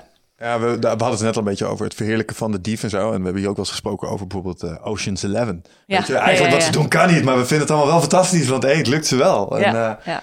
ja, dus- Nou, je leest natuurlijk ook wel mee met mensen die een hoogstaand doel hebben en het lukt ze uiteindelijk. En als dat dan, eh, ja, vaak in, in films is dat dan vaak een minder maatschappelijk aanvaard doel, zal ik maar zeggen. Eh, maar dat is dan toch wel heel leuk voor alle verwikkelingen die erbij komen en zo. Drama. Ja, maar ik, ik vraag me af of het in het echte leven ook, eh, ook eh, zo mooi en zo eh, eh, gaat. En op het Ja, eind het- of je daar nou heel gelukkig van wordt. Maar goed, sommige mensen die heel machiavellistisch zijn, psychopaten, die hebben daar niet zo'n last van. Ja. Die hebben het eigenlijk, hun hersenen zijn gewoon anders gebouwd. Alleen ook als psychopaat kun je beseffen. Ik, had, ik deed altijd eh, bij mijn studenten deed ik eh, ook onderzoek. En ik vertelde ze over de, hè, wat we de dark triad noemen: Machiavellianisme, narcissisme en psychopathie. En dan vertelde ik ze. En dan moesten ze ook zelf een vragenlijst invullen. En dan kwam er ook wel een student naar me toe. van, Ja, ik ben eigenlijk eh, best wel hoog score ik op psychopathie. En, en, en eh, ja, andere mensen hebben dat niet zo van me door. Eh, vind ik eigenlijk wel mooi. Ik zeg, ja, maar wat doe jij daarmee? Wat doe je met die psychopathie? Er zijn ook mensen die gaan hoogleraar eh, en die scoren best wel hoog op psychopathie. Het gaat erom, wat doe je met die eigenschap? Ja, ons is wel eens uitgelegd dat de gemiddelde topmanager eigenlijk gewoon een psychopaat is. Als je kijkt naar waar die toen in staat zijn. Maar eh, misschien wel wel even bij kort stil te staan. hè? Wat, zijn- wat zijn die drie? Ja. Kijk eigenlijk. Want narcissisme is een overmatige liefde voor jezelf, toch? Dark Ja. Triad vind ik ook wel een mooi, mooi. Ja, ja, ja. ja. Dat- Dus, eh, narcissisme, dat is... Ja, eh, jezelf op een voetstuk plaatsen. Je vindt het fijn als mensen bewondering voor je hebben. Je wilt ook graag bewondering van andere mensen hebben. Eh, weinig empathie eh, hebben die mensen. Eh Machiavellianisme, nou, die, die zijn inderdaad eh, aan, het, aan het kijken van hoe kan ik mijn doelen bereiken, maar dan eh, zo hoog mogelijk komen. Maar het liefst over de, ja, als, als het moet over de rug van anderen. Ja, ja, ja. Niet bang voor schade berokkenen bij anderen. Nee, en psychopathie, eh, dat zijn eigenlijk mensen die on- ontberen ook eh, eh, bepaalde dingen in de hersenen. Dus dat, dat sociale wat wij hebben, dat meevoelen, hebben ze veel minder. Ja. Kunnen van zichzelf eh, bijvoorbeeld eh, als ze iets hebben aan hun arm of wat dan ook. Of eh, gewoon even naar kijken van hè, raar of eh, Ja, ja. Mijn arm ligt eraf. Oh, wat zo bijzonder. ja, bijzonder hè, allemaal bloedvaten. En, een hele andere manier van denken eigenlijk. Ah. Of, of, of nou, misschien best wel eens fijn om te kijken als ik iemand eh, zijn nek omdraai, kijken wat er dan gebeurt. En dat is ook, dat is dan, dat is dan ook echt eh, Die is, die het minst dat- vertegenwoordigd ja, bij mijn dat- psychopathie volgens mij. dat, Ik dat, dat, herken ik, man. wel. Ik weet nog dat ik op de basisschool zat en dat er eh, een jongetje bij ons was die gewoon eh, jonge eentjes in een plastic zak had gedaan en tegen de muur had aangegooid. Dat is een teken van een seriemoordenaar. Ja, maar dat, is wel, maar dat is wel dat, Dat echt is, gewoon niet. eh, geen, ja, waarom doe je dat? Om te kijken wat er gebeurt? Of, eh, ja. dat is eng, man. Joh, als, Ja. als een joch van zeven dat doet. Da- daar merk ik aan, dat is volgens mij wel een goede test. Als je boos wordt van het idee dat iemand een strijker aan een kat vastmaakt en je wil die gast slaan, dan scoor je niet hoog in psychopathie. Snap je? In ieder geval bepaalde punten. Hè? Want Ja. het zijn allemaal dimensies eh, zitten daar weer aan. Dus narcisme heeft ook wel goede dimensies. Een beetje narcisme is best wel goed Vooral als je leider bent, als je hè, in de publiciteit eh, wilt komen. Eh, een beetje Machiavellianisme, hè, bepaalde aspecten van Machiavellianisme kunnen best positief zijn. Ook zelfs bepaalde aspecten van psychopathie. Dat heeft allerlei subdimensies die positief en negatief kunnen uitwerken. Moet je als vechtsporter ook niet een beetje psychopathisch zijn? Soms? Moet je dat niet uit kunnen zetten? Van ik ga je nu vol in je gezicht trappen. Ja. Het zou wel Moet je handig wel iets zijn. uitzetten, denk ik. Ja, het zou wel handig zijn. Ja, het is Nee, want je kan het ook gewoon als sport zien, Michel. exact. Ik zeg er echt nu even jouw naam achter. Ja. Omdat jij emotioneel betrokken bent in je sparren. Dat klopt. Ik wil graag winnen. Als Dat ik hoor ik vaak van jou. Dan, ja, dat eh, gaat bij jou echt een, eh, echt een rrr aan. Als je, Ah, alleen als de tegenstander op een niveau is dat hij het me echt moeilijk maakt. En dan, dan, dan Ja, maar- merk ik dat daar extra... eh, ja, maar daar is- zeg je het al. Dus je bent eigenlijk al bezig dat jij eh, niet eh, onder wil doen. Nee, wat ik niet doe... eh, kijk, eh, nu klinkt het net zo. eh, beginner spart tegen Michel. En eh, ah, ik moet winnen. En je stomt hem alle hoeken in. Zo is het niet. Maar als iemand eh, op mijn niveau is of hoger... En ik vind het moeilijk, dan merk ik dat eh, op zo'n agressieve manier erover nadenken me soms net een stukje extra scherpte geeft, die ervoor zorgt dat ik wel of niet een punt weet te scoren. Maar Agressie in knokken is volgens mij iets wat handig is als je probeert een kickboxwedstrijd of een taekwondo-wedstrijd te winnen. Dan is Ja. dat een component, denk ik. Ja, maar dat is maar de vraag of dat psychopathie is. Of dat het gewoon, eh, eh, je zegt wel, oké, dit moet ik bij mezelf opwekken om te kunnen winnen. Of een grotere kans te maken Ja, om te nee, eens, eens. En dat was ook maar een beetje met een knipoog. Maar Ik kijk wel woensdagavond. Maar het gaat wel serieus eh, natuurlijk, hè? Als ik, aan het, als ik woensdagavond aan het trainen ben, dan zijn ze vaak al. Dan is dat gehaktdag bij de Mike's Gym hier in, eh, in Amsterdam. al die profvechters, die thaiboxers, die zijn dan aan het sparren.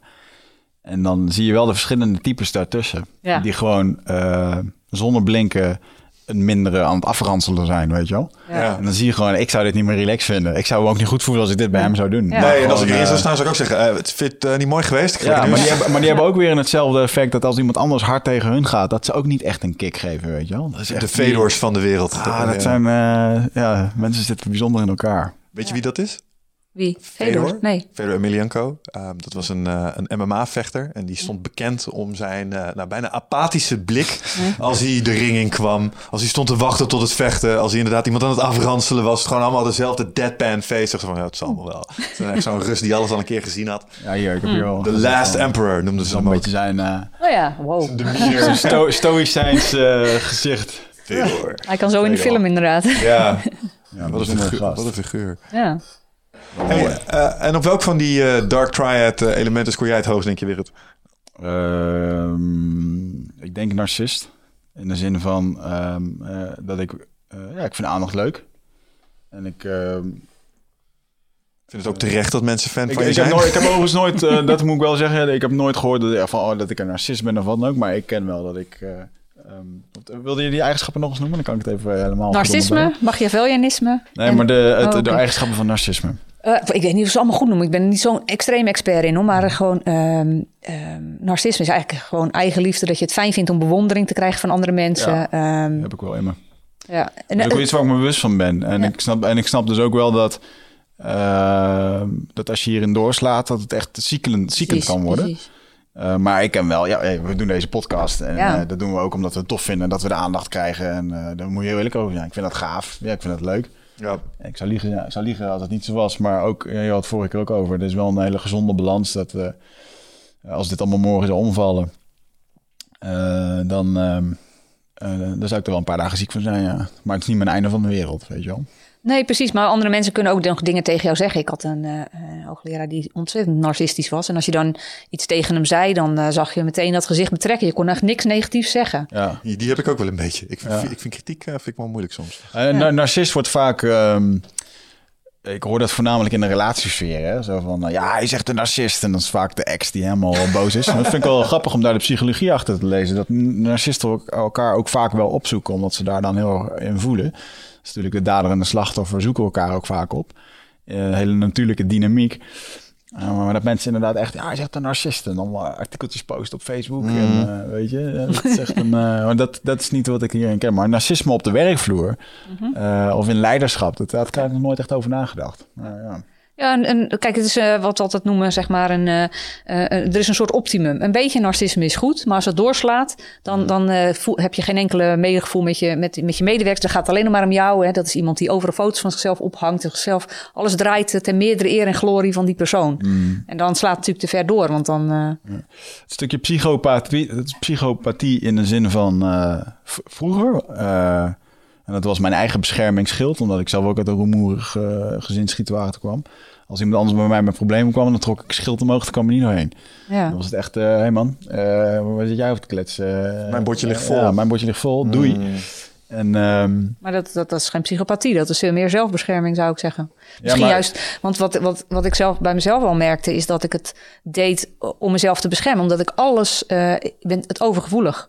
Dus als mensen, eh, als het te ver gaat, dan moet ik wel zo'n schild eh, optrekken. Want anders dan, of, of zo'n tele- televisieprogramma, dan moet ik Ja. echt doen alsof het me niks doet. Want anders gaat het me wel doen. Ook, ook dat, maar ik denk ook serieus dat het eh, in sommige gevallen eh, puur omdat ik zo'n zelfmedelijden had op, op dat moment, dat ik ook echt, dat ik even, het deed me ook niet zoveel wat er bij die anderen op dat moment speelde. En, ehm, eh, Ja, maar dus- ik weet niet of dat een structureel gebrek aan empathie is. Nou, is het, ja, Ja, Ik zou eerder denken dat als jij zelf al eh, veel problemen hebt, is het lastig om anderen. Je kan het wel aanhoren, maar je kan ze helemaal niet helpen. Je kan ze niet van advies voorzien. nee, en het was ook het laat mij met rust eh, effect. daarin. Ja. Ja. Dat, is, dat is denk ik situationeel. Ja, dat Machi- Machiavelliaans heb ik niet echt in me, denk ik. Nee, het is niet herkenbaar. Ja, voor mij wel. Ja? Maar Ja. je bent een Machiavelliaanse psychopath. Ja, ik kan wel nadenken over... Zo. Luister, ik heb Ik tijdens... weet niet of eh, nog vrienden zijn afloop. Ah joh. Ik heb, eh, ik heb op een gegeven moment wel eh, feedback gehad toen ik mijn team verliet. Toen heb ik iedereen gevraagd, joh, wat vond je van de samenwerking? Toen kreeg ik nog wel eens de feedback, ja, jij bent niet bang om over lijken te gaan om je, om je positie te verbeteren. En mensen waren bang voor jou. Ja, en dat, dat, dat nou ja, ja omdat het soms eikel was. Ja, klopt. Ja. Ik ben echt wel, ik heb mensen aan het huilen gemaakt en daar ben ik niet trots op. Eh, Dus eh, dat, is, eh, dat is helemaal geen mooie eigenschap. Dat is ook de reden om iets anders te gaan doen. Maar ik merk wel dat ik kan plotten en nadenken over hoe je op eh, plekken terechtkomt. Maar ja, misschien gaat dat ook wel hand in hand met goal setting. Ja. Snap je? Want een van de dingen die we, die we mensen ook wel eens leren zijn, maar denk nou eens na over dit alsof het een verhaal is. Dat is één. En elk verhaal heeft ook een soort van tegenstanders. En heeft een draak die je moet verslaan. En eh, er zijn krachtvelden die je bezig zijn. En ik denk dat je daar bewust van, van zijn. Ja. Dat kan je wel eh, helpen bij het verbeteren van je, van je, van je succes. Ja. Ja, plus het feit dat je je bewust bent dat dit soort dingen in iedereen zitten. Ik bedoel, wij zitten hier nu over te kletsen en als mensen nu denken van, ah ja, daar hebben hun het over. Oh, dat, maar uiteindelijk heeft iedereen het in zich. Hey, ik heb een mooi boekje voor je. The Laws of Power van eh, Robert Greene. Dat gaat hier helemaal over dat wij als mensen, hè, als je nou echt hebt over machtsfilosofie, hoe kun je klimmen? Eh, en wat, wat zijn dingen die je moet doen en dingen die je niet moet doen? Eh, sommige zijn heel onethisch, die je dan leert van die wetmatigheden. Maar zeg bijvoorbeeld, eh, never outshine the master. Zeg maar, als jij naast iemand werkt als tweede hand en eh, jij gaat in de shine van, eh, van een eh, meerdere staan, dan kon je nog wel eens op zijn narcistische eh, te kleine tenen trappen en dan gaat hij je eruit werken, want je bent plots een bedreiging geworden. Ja, maar Daar mag je best rekening mee houden dat dat bestaat.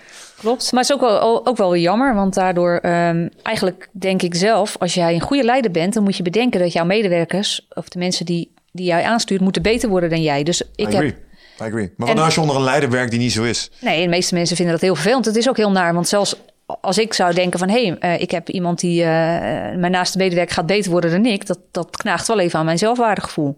Maar tegelijkertijd moet ik dat wel eh, proberen te accepteren. Ja. Ja, dat snap ik wel. Dus ja, daar hebben we soms wel, eh, oh, wel wat trekjes in. En jijzelf? Ikzelf, ehm, ik denk dat ik van deze drie eh, hooguit op narcisme wel een beetje score. Ja.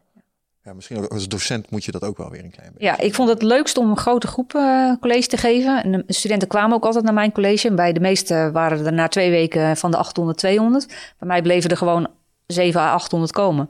Dus dat vond, dat vond ik heel leuk. Want ik denk, ja, ik wil dat ze naar mijn college komen. Ik heb iets zinnigs te vertellen. Maar dat, die houding moet je ook wel een beetje hebben natuurlijk. Casper van der Meulen zei het ook, hè. De snelste manier om een held te worden is gewoon docent worden. Of leraar worden. En ik denk dat als je een held wil zijn, dat er ook wel een klein beetje... En we gaan hoofdrollen spelen, Stijn. En dan wil je zo af en toe even mensen beïnvloeden. Dat is, daar zit wel een vorm van narcisme in, denk ik dan, ja. Ja. Leuk. Naar, ik, ik, woord, maar ik vraag naar, naar woord, terwijl het helemaal niet slecht hoeft te zijn. hè. Narcisme hoeft niet per se slecht te zijn. Als, eh, ik, eh, als je me niet het gevoel... Ik zeg altijd ook tegen mensen van... zeg nou tegen mij als ik een beetje te- ga doorslaan. Want natuurlijk vind je het leuk om jezelf te zien. Maar ik eh, moet niet overal foto's van mezelf gaan ophangen. En eh, Nee, dat, is ik alleen, dat het alleen nog maar om mij draait. Social media is natuurlijk wel echt een eh, een narcistisch eh, uithangbord voor sommige mensen. Ja, ja, wat dat betreft scoor ik Of niet is zo dat hoog. voor iedereen? Ik zeg dan voor sommige mensen, sommige mensen zullen nu denken, "Oh, jezelf. Maar uiteindelijk, ja, je zit gewoon foto's van jezelf te plaatsen. Alleen maar Je voor, projecteert. voor, voor likes, voor dingetjes. Je zit een wereld te scheppen die, eh, die er volgens jou goed uitziet. Want anders zou je het niet plaatsen. Het is best wel... eh, Ja, maar dat is, dan kom je weer terug op dat eh, mensen willen er graag zo goed mogelijk uitzien. En als je dan de evolutionair psychologen vragen, waarom is dat? Nou, dat is allemaal seksuele selectie. Onder de streep. Swaap zegt dat ook. Het is allemaal gewoon om je pakket door te geven. Daarom doe je al die ellende onder de streep. Ook je doelen halen. Het is allemaal laten zien dat je com- competenties hebt. En daarmee dat je pakket een bepaalde waarde heeft. Vind een hele cynische manier van kijken soms. Ja. Ergens denk ik dat het ook niet helemaal onwaar is. Het is niet helemaal onwaar. En als psycholoog voeg ik daar dan ook nog aan toe dat, het, eh, dat je iets wilt nalaten. Dus dat je, zegt, dat je het gevoel wil hebben dat als ik geleefd heb, dat eh, mensen misschien eh, me nog herinneren als ik al lang niet meer ben. Oh, daar werd ik laatst boos van. Als je het nou over echte vrienden hebt. Laatst zei een van mijn echte vrienden, Bert, ik weet niet of je het luistert, maar dat deed zeer. Die zei van, ja, maar denk je nou echt dat als je die podcast stopt, dat dat over jaren nog geluisterd wordt? Zei je dat serieus? Ja, dat zei hij ja. Toen dacht, Je haalt de psychopaat in mij omhoog. Uh, ja, man. Nee, maar toen, toen dacht ik van ja, maar is dat zo? Want uh, ik merkte dat eh, dit opnemen en dit op YouTube zetten gaf mij een idee van, maar dit staat er tot in de oneindigheid. En dan gaan over honderd jaar misschien nog wel mensen naar luisteren. Al is het maar uit een soort antropologische fascinatie met deze tijd. Um, maar daar ben je wel een soort van immortal mee geworden. Van lieve legacy. Dus daar hebben we een soort legacy nagelaten. Tenminste, dat, dat, ja. daar herkende ik mee dat ik die vink kon zetten. Toen hij ja. begon te tornen, dacht ik, hé, hey, hou eens mee op. Ja, nee, dat, is, dat voelt niet fijn. Ja. Dat is iets heel bazaals, iets heel wezenlijks. Dus het is helemaal niet gek dat je daar boos om werd. Ja, vond ik, wel, vond ik grappig om bij mezelf te merken. En natuurlijk, vrienden doen dat altijd met een knipoog. En wij kunnen dat tegen elkaar zeggen, Bert en ik. Maar desondanks uh, merkte ik wel, oh, dit raakt iets primairs. Dus dat bevestigt wel wat jij zegt. Ja, klopt. Waarom ligt hier een doorgescheurde foto van Bert? Uh, de, daar heb ik op gedart en ik heb zo oh. vaak op neergegooid. nee. Dan kan je natuurlijk ook vragen waarom daar een Boeddha-beeld staat met een handgranaat. Nou. ja, dat is een beetje yin en yang. Nou, om die dualiteit van het leven weer even te benadrukken. En eigenlijk meer dat we gewoon, ze waren los, maar nu staan ze. We kregen wel eens een opmerking erover, hè, dat uh, hier mensen hier inderdaad heel boos over kunnen zijn. Ja. Hmm. Maar um, ja, goed, uh, we hebben, uh, het is gewoon de, de, intentie. We bedoelen hier helemaal niks mee. Nee. En ik denk ook, ik weet niet uh, of de Boeddha ook zijn donkere kanten had, maar we hadden het net over Peter Sage en over de dualiteit van de mensen. Maar ik heb een keer een, een aflevering gezien van, ken je Penn en Teller? Weet je wie dat zijn? Nee. Dat zijn twee mensen die zijn in Amerika, Las Vegas, bekend geworden als illusionisten die de trucjes verklappen. Oh, ja. Dus die, die vertellen, dit is hoe het werkt en daarom lijkt het zo echt. En zij hadden een programma, Bullshit, waarbij zij met name dingen debunkten. En zo had je dus ook, uh, uh, zijn ze een keer ingegaan op bijvoorbeeld Moeder Teresa mm -hmm. en Gandhi. Mm -hmm. Mensen die wij op een soort voetstuk hebben staan als super vredelievend en dat soort dingen. Ja. Uh, schijnen best wel eikels te zijn geweest in hun tijd. Schijnen ook dingen te hebben gedaan die eigenlijk echt niet kunnen. Oh ja? Ja. Ja, bijvoorbeeld Moeder Teresa, wat die deed, uh, was, uh, was christen. En als je dan bij haar in haar sterfhuizen, want ze had sterfhuizen voor arme mensen, zeg maar, kwam. Dan weet je op je sterfbed, weet je, als je bijvoorbeeld uh, hindoe was of wat dan ook, werd je stiekem nog even gedoopt. Zo van net voordat je doodging. En eigenlijk is dat, dat spiritueel. Kan, dat kan echt niet. Dat is, weet je, als jij echt gelooft in Christus en je wordt net voor je, voor je sterven, halen ze je dat af of zo. De Christen zou dat heel erg vinden. Ik, uh, ik, zie wel, ik zie het wel vanuit haar punt. Want als vanuit haar, haar realiteit is dit de weg om mensen naar de hemel te sturen. Ik, weet, ik vind het echt een ja. asshole move. Zo, zo zou ik het ook uh, zien. Maar uh, ik ja. ken moeder Teresa verder niet. Maar dat is nee. natuurlijk het idee van... ja, alleen als christen kon je in de hemel komen. Vooral in haar tijd. Ja. En uh, als je mensen nog even snel christen... misschien kunnen ze dat toch nog... Wat deed Gandhi? Ja. Die... Um, die sloeg mensen in elkaar. Nou, vol, volgens mij, ja, de, de, ik wil zeggen wife beater, maar ik weet het niet zeker. Die was uh, in, in, zijn relaties best wel ferm. En uh, ook, ook behoorlijk Machiavelliaan soms zijn dingen voor elkaar te krijgen. Natuurlijk stond hij wel voor vrede en dat soort dingen. heeft hij een boel bewerkstelligd. Maar mm. in die mensen zitten ook gewoon... Het zijn ook gewoon mensen. Die doen ook gewoon uh, evil dingen soms. Of dingen die voor hun inderdaad vanuit hun perspectief goed zijn. Maar als je er dan achteraf op terugkijkt... denk je, hmm, weet niet, is helemaal, helemaal geweldig geweest, ja. Ja. Maar dat is natuurlijk ook zo. Kijk, als je een bepaald doel hebt... dan probeer je ook mensen mee te krijgen. En misschien in dat hele proces maak je ook fouten. Alleen, het, het gaat er wel om... Wil je een, een negatief of een positief doel bereiken. Ja. Dat betekent niet dat die, dat die slechte dingen die mensen doen uh, goed gepraat kunnen worden daarmee. Mm. Maar het is wel zo, uh, als jij uh, hè, mensen de oren in wil sleuren... of een grote geheime dienst wil opzetten in je land... dat dat toch echt wel iets anders is dan ehm, ja. Mensen ja, daarvoor aan, ik ook. hun ikigai willen laten vinden bijvoorbeeld. Ja, maar geloof je in zoiets als the greater good? Greater good. The greater good. De, de, het standaard psychologisch experiment. Wigert heeft zijn vinger op een knop en daarmee kan hij 10.000 mensen dood laten gaan. Ik krijg een vuurwapen. Schiet je Wigert neer, ja of nee? Uh, die vind ik altijd zo moeilijk. Ja, kan dat, dat is de vraag van, is er een greater good? Ik denk, ja, sorry, Wigert, je gotta go. Want 10.000 zielen, snap je? Ja. En ik vind het altijd heel, um, ja, hoe noem je dat? Hoe groot is de kans dat ik met de situatie te maken krijg? Ik denk gewoon, ik wil niet met de situatie te maken krijgen. Ik weet dat, ze het heel, dat het heel veel gebruikt wordt hoor, in de psychologie. Maar ik heb gewoon, ja, ik weet niet, een beetje Je hebt er aversie nog geen antwoord op gevonden. Ik heb er niet echt een antwoord op gevonden, nee. Ik denk dan altijd, het kost vooral heel veel moeite om daarover na te denken. En het gaat mij, niet, gaat mij hopelijk nooit gebeuren. Nee, Nou, maar nou- het staat symbool voor andere situaties waarbij je keuzes moet maken, waarbij eh, de eh, zeg maar beleving van, van een individu wordt opgeofferd ten opzichte van een groter Ja, ja, ja. doel waar meer mensen mee geraakt Ik, worden. ik las onlangs, onlangs een hele goeie, dat vond ik wel een mooie eh, in, in het trant van dit ding. Het ging over eh, de discussie, in, eh, ik geloof in Amerika, over eh, eh, abortus laten plegen, ja of nee. Is het wel al iets levens of nog niet? Het ging erover, wat als, je, als er ergens brand is en je bent in zo'n ruimte, er ligt één baby, of zo'n ijsvat met eh 10.000 eh, potentiële baby's.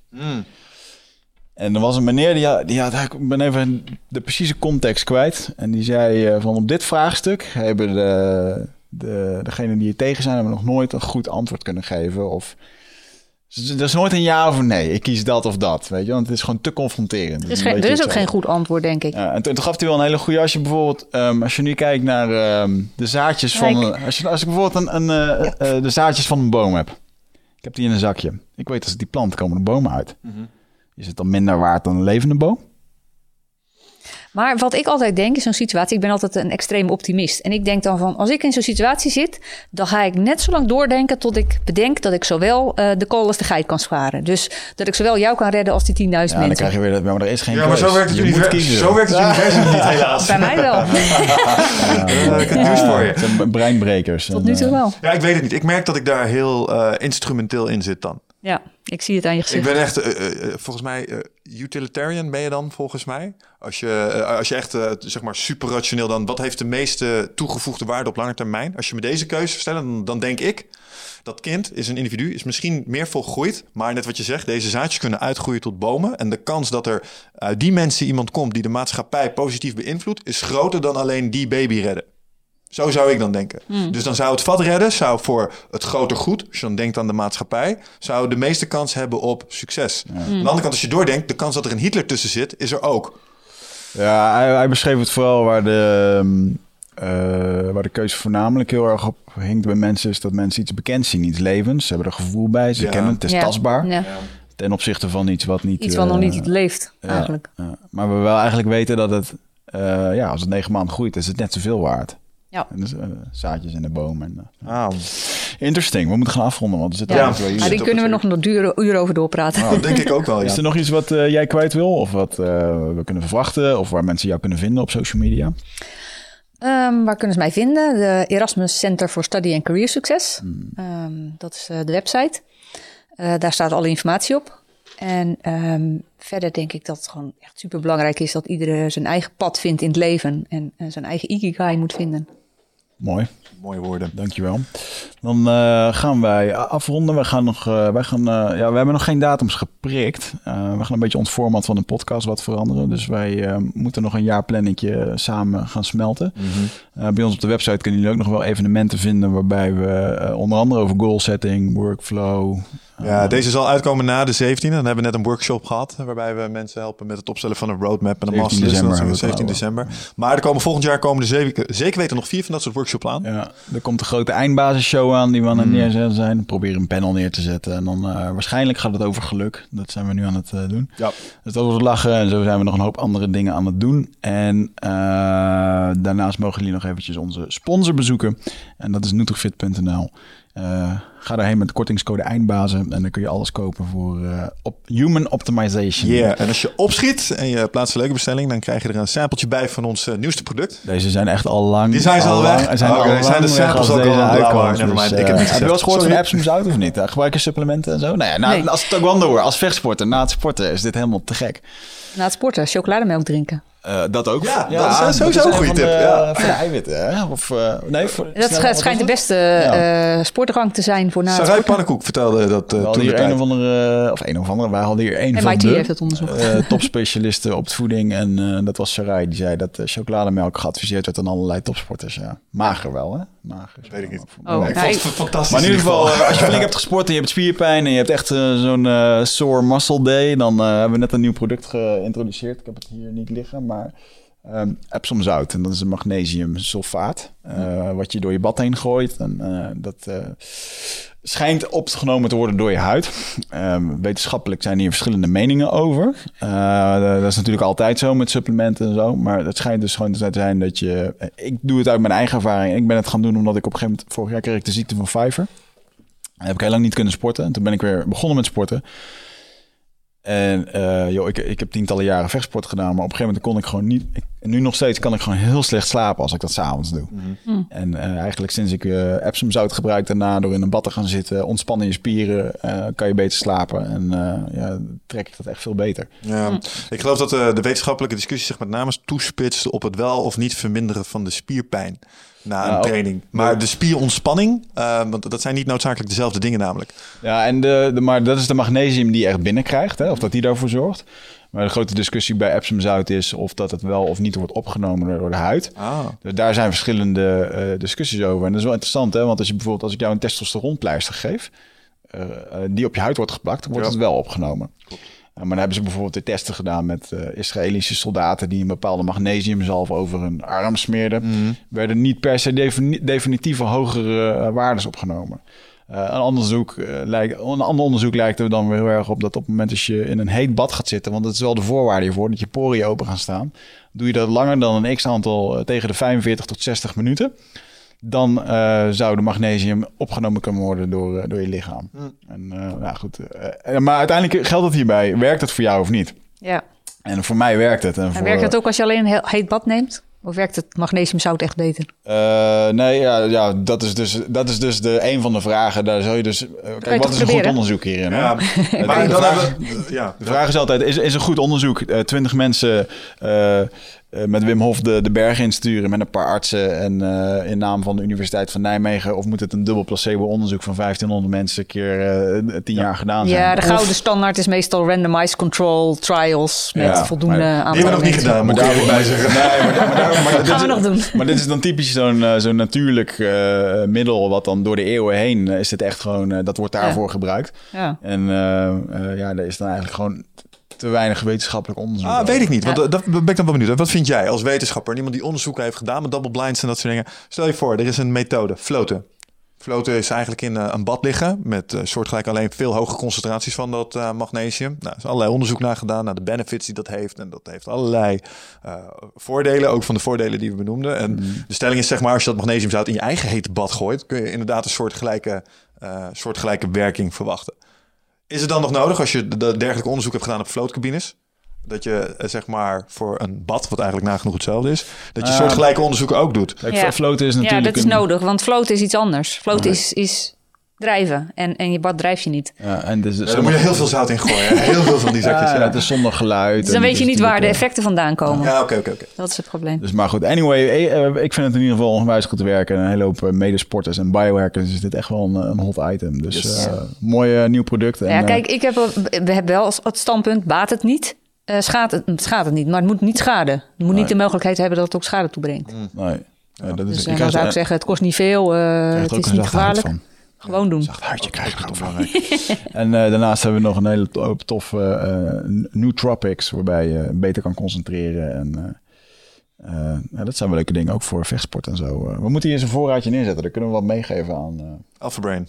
Ja, vechtsport is sowieso heel mooi. Ik noem het, eh, en de combinatie vechtsport en wetenschap is niet zo heel gebruikelijk, maar ik noem dat altijd actieve meditatie. mm, Ehm, je kan nergens anders aan denken, maar ik ben niet zo iemand die. ehm, mediteren is heel mooi hoor, maar ik, eh, ja, het lukt mij niet zo goed. Ik ben daar niet zo goed in. Ik vind het niet zo leuk om te doen. En dan vind ik vechtsport veel, eh, ja, veel actiever. Ja, ik geloof ik dat die dezelfde eh, hersengebieden trainen. eh, um, op het moment dat ze dat onder een scanner gaan leggen, dan heeft dat eenzelfde soort effect. Focus misschien, misschien. vooral, hè? De, ja, ja. Ja. Vooral focus. Maar het, heeft andere effecten. Het bijeffect is dat je natuurlijk eh, s- eh, getraind raakt. Dat je eh, je stresshormoon kwijtraakt. Doordat je eh, flink aan het sporten bent. spieren krijgt. allerlei andere gezondheidseffecten in mijn mening. En niet onbelangrijk, structureel in spannende situaties verkeerd. Waardoor je referentiekader gewoon een beetje wordt opgerekt. Dat, dat viel mij op. Als je echt lekker fanatiek spart. Ik denk dat jij ook wel eens fanatiek gespart hebt. Soms best wel eng. Ja. is best wel spannend. Ja. En eh, wat mij dan opviel is als ik dan eh, daarna in een zakelijke context eh, zat, die ik ook wel een beetje spannend vind, dat ik het kon relativeren. Ja. Niemand probeert mijn hoofd hier af te schoppen, zeg maar. Dat Klopt. is al een stuk minder eng als vanavond weer. Klopt. Bij mij ehm, het meest spannende wat ik moest doen tot voor kort was het, het verdedigen van mijn proefschrift. Dat is in 2003. Ja. Toen ben ik daarvoor even gaan hardlopen. Om wat spanning kwijt te raken. Het ging, sloeg nergens op, dat hardlopen. Maar daarna voelde ik me toch iets beter. ja, mooi. Nou, daar hebben jullie het jongens. Iedereen de mat op. Ja, wat is je favoriete trap? Ehm, dat is eh rondwaartstrap. Dubbele rondwaartstrap. Wat was de fancy Koreaanse naam ervoor? Ehm Tolio. Tolio. Ja, wat had je ook allemaal? De Twit. En, eh, Twit, Tolio. ehm, Mirio, weet ik veel. Nou ja, goed. Alright. Mensen, bedankt voor het luisteren. Dankjewel voor je volgende komst. keer. Oké. Ciao. Doei.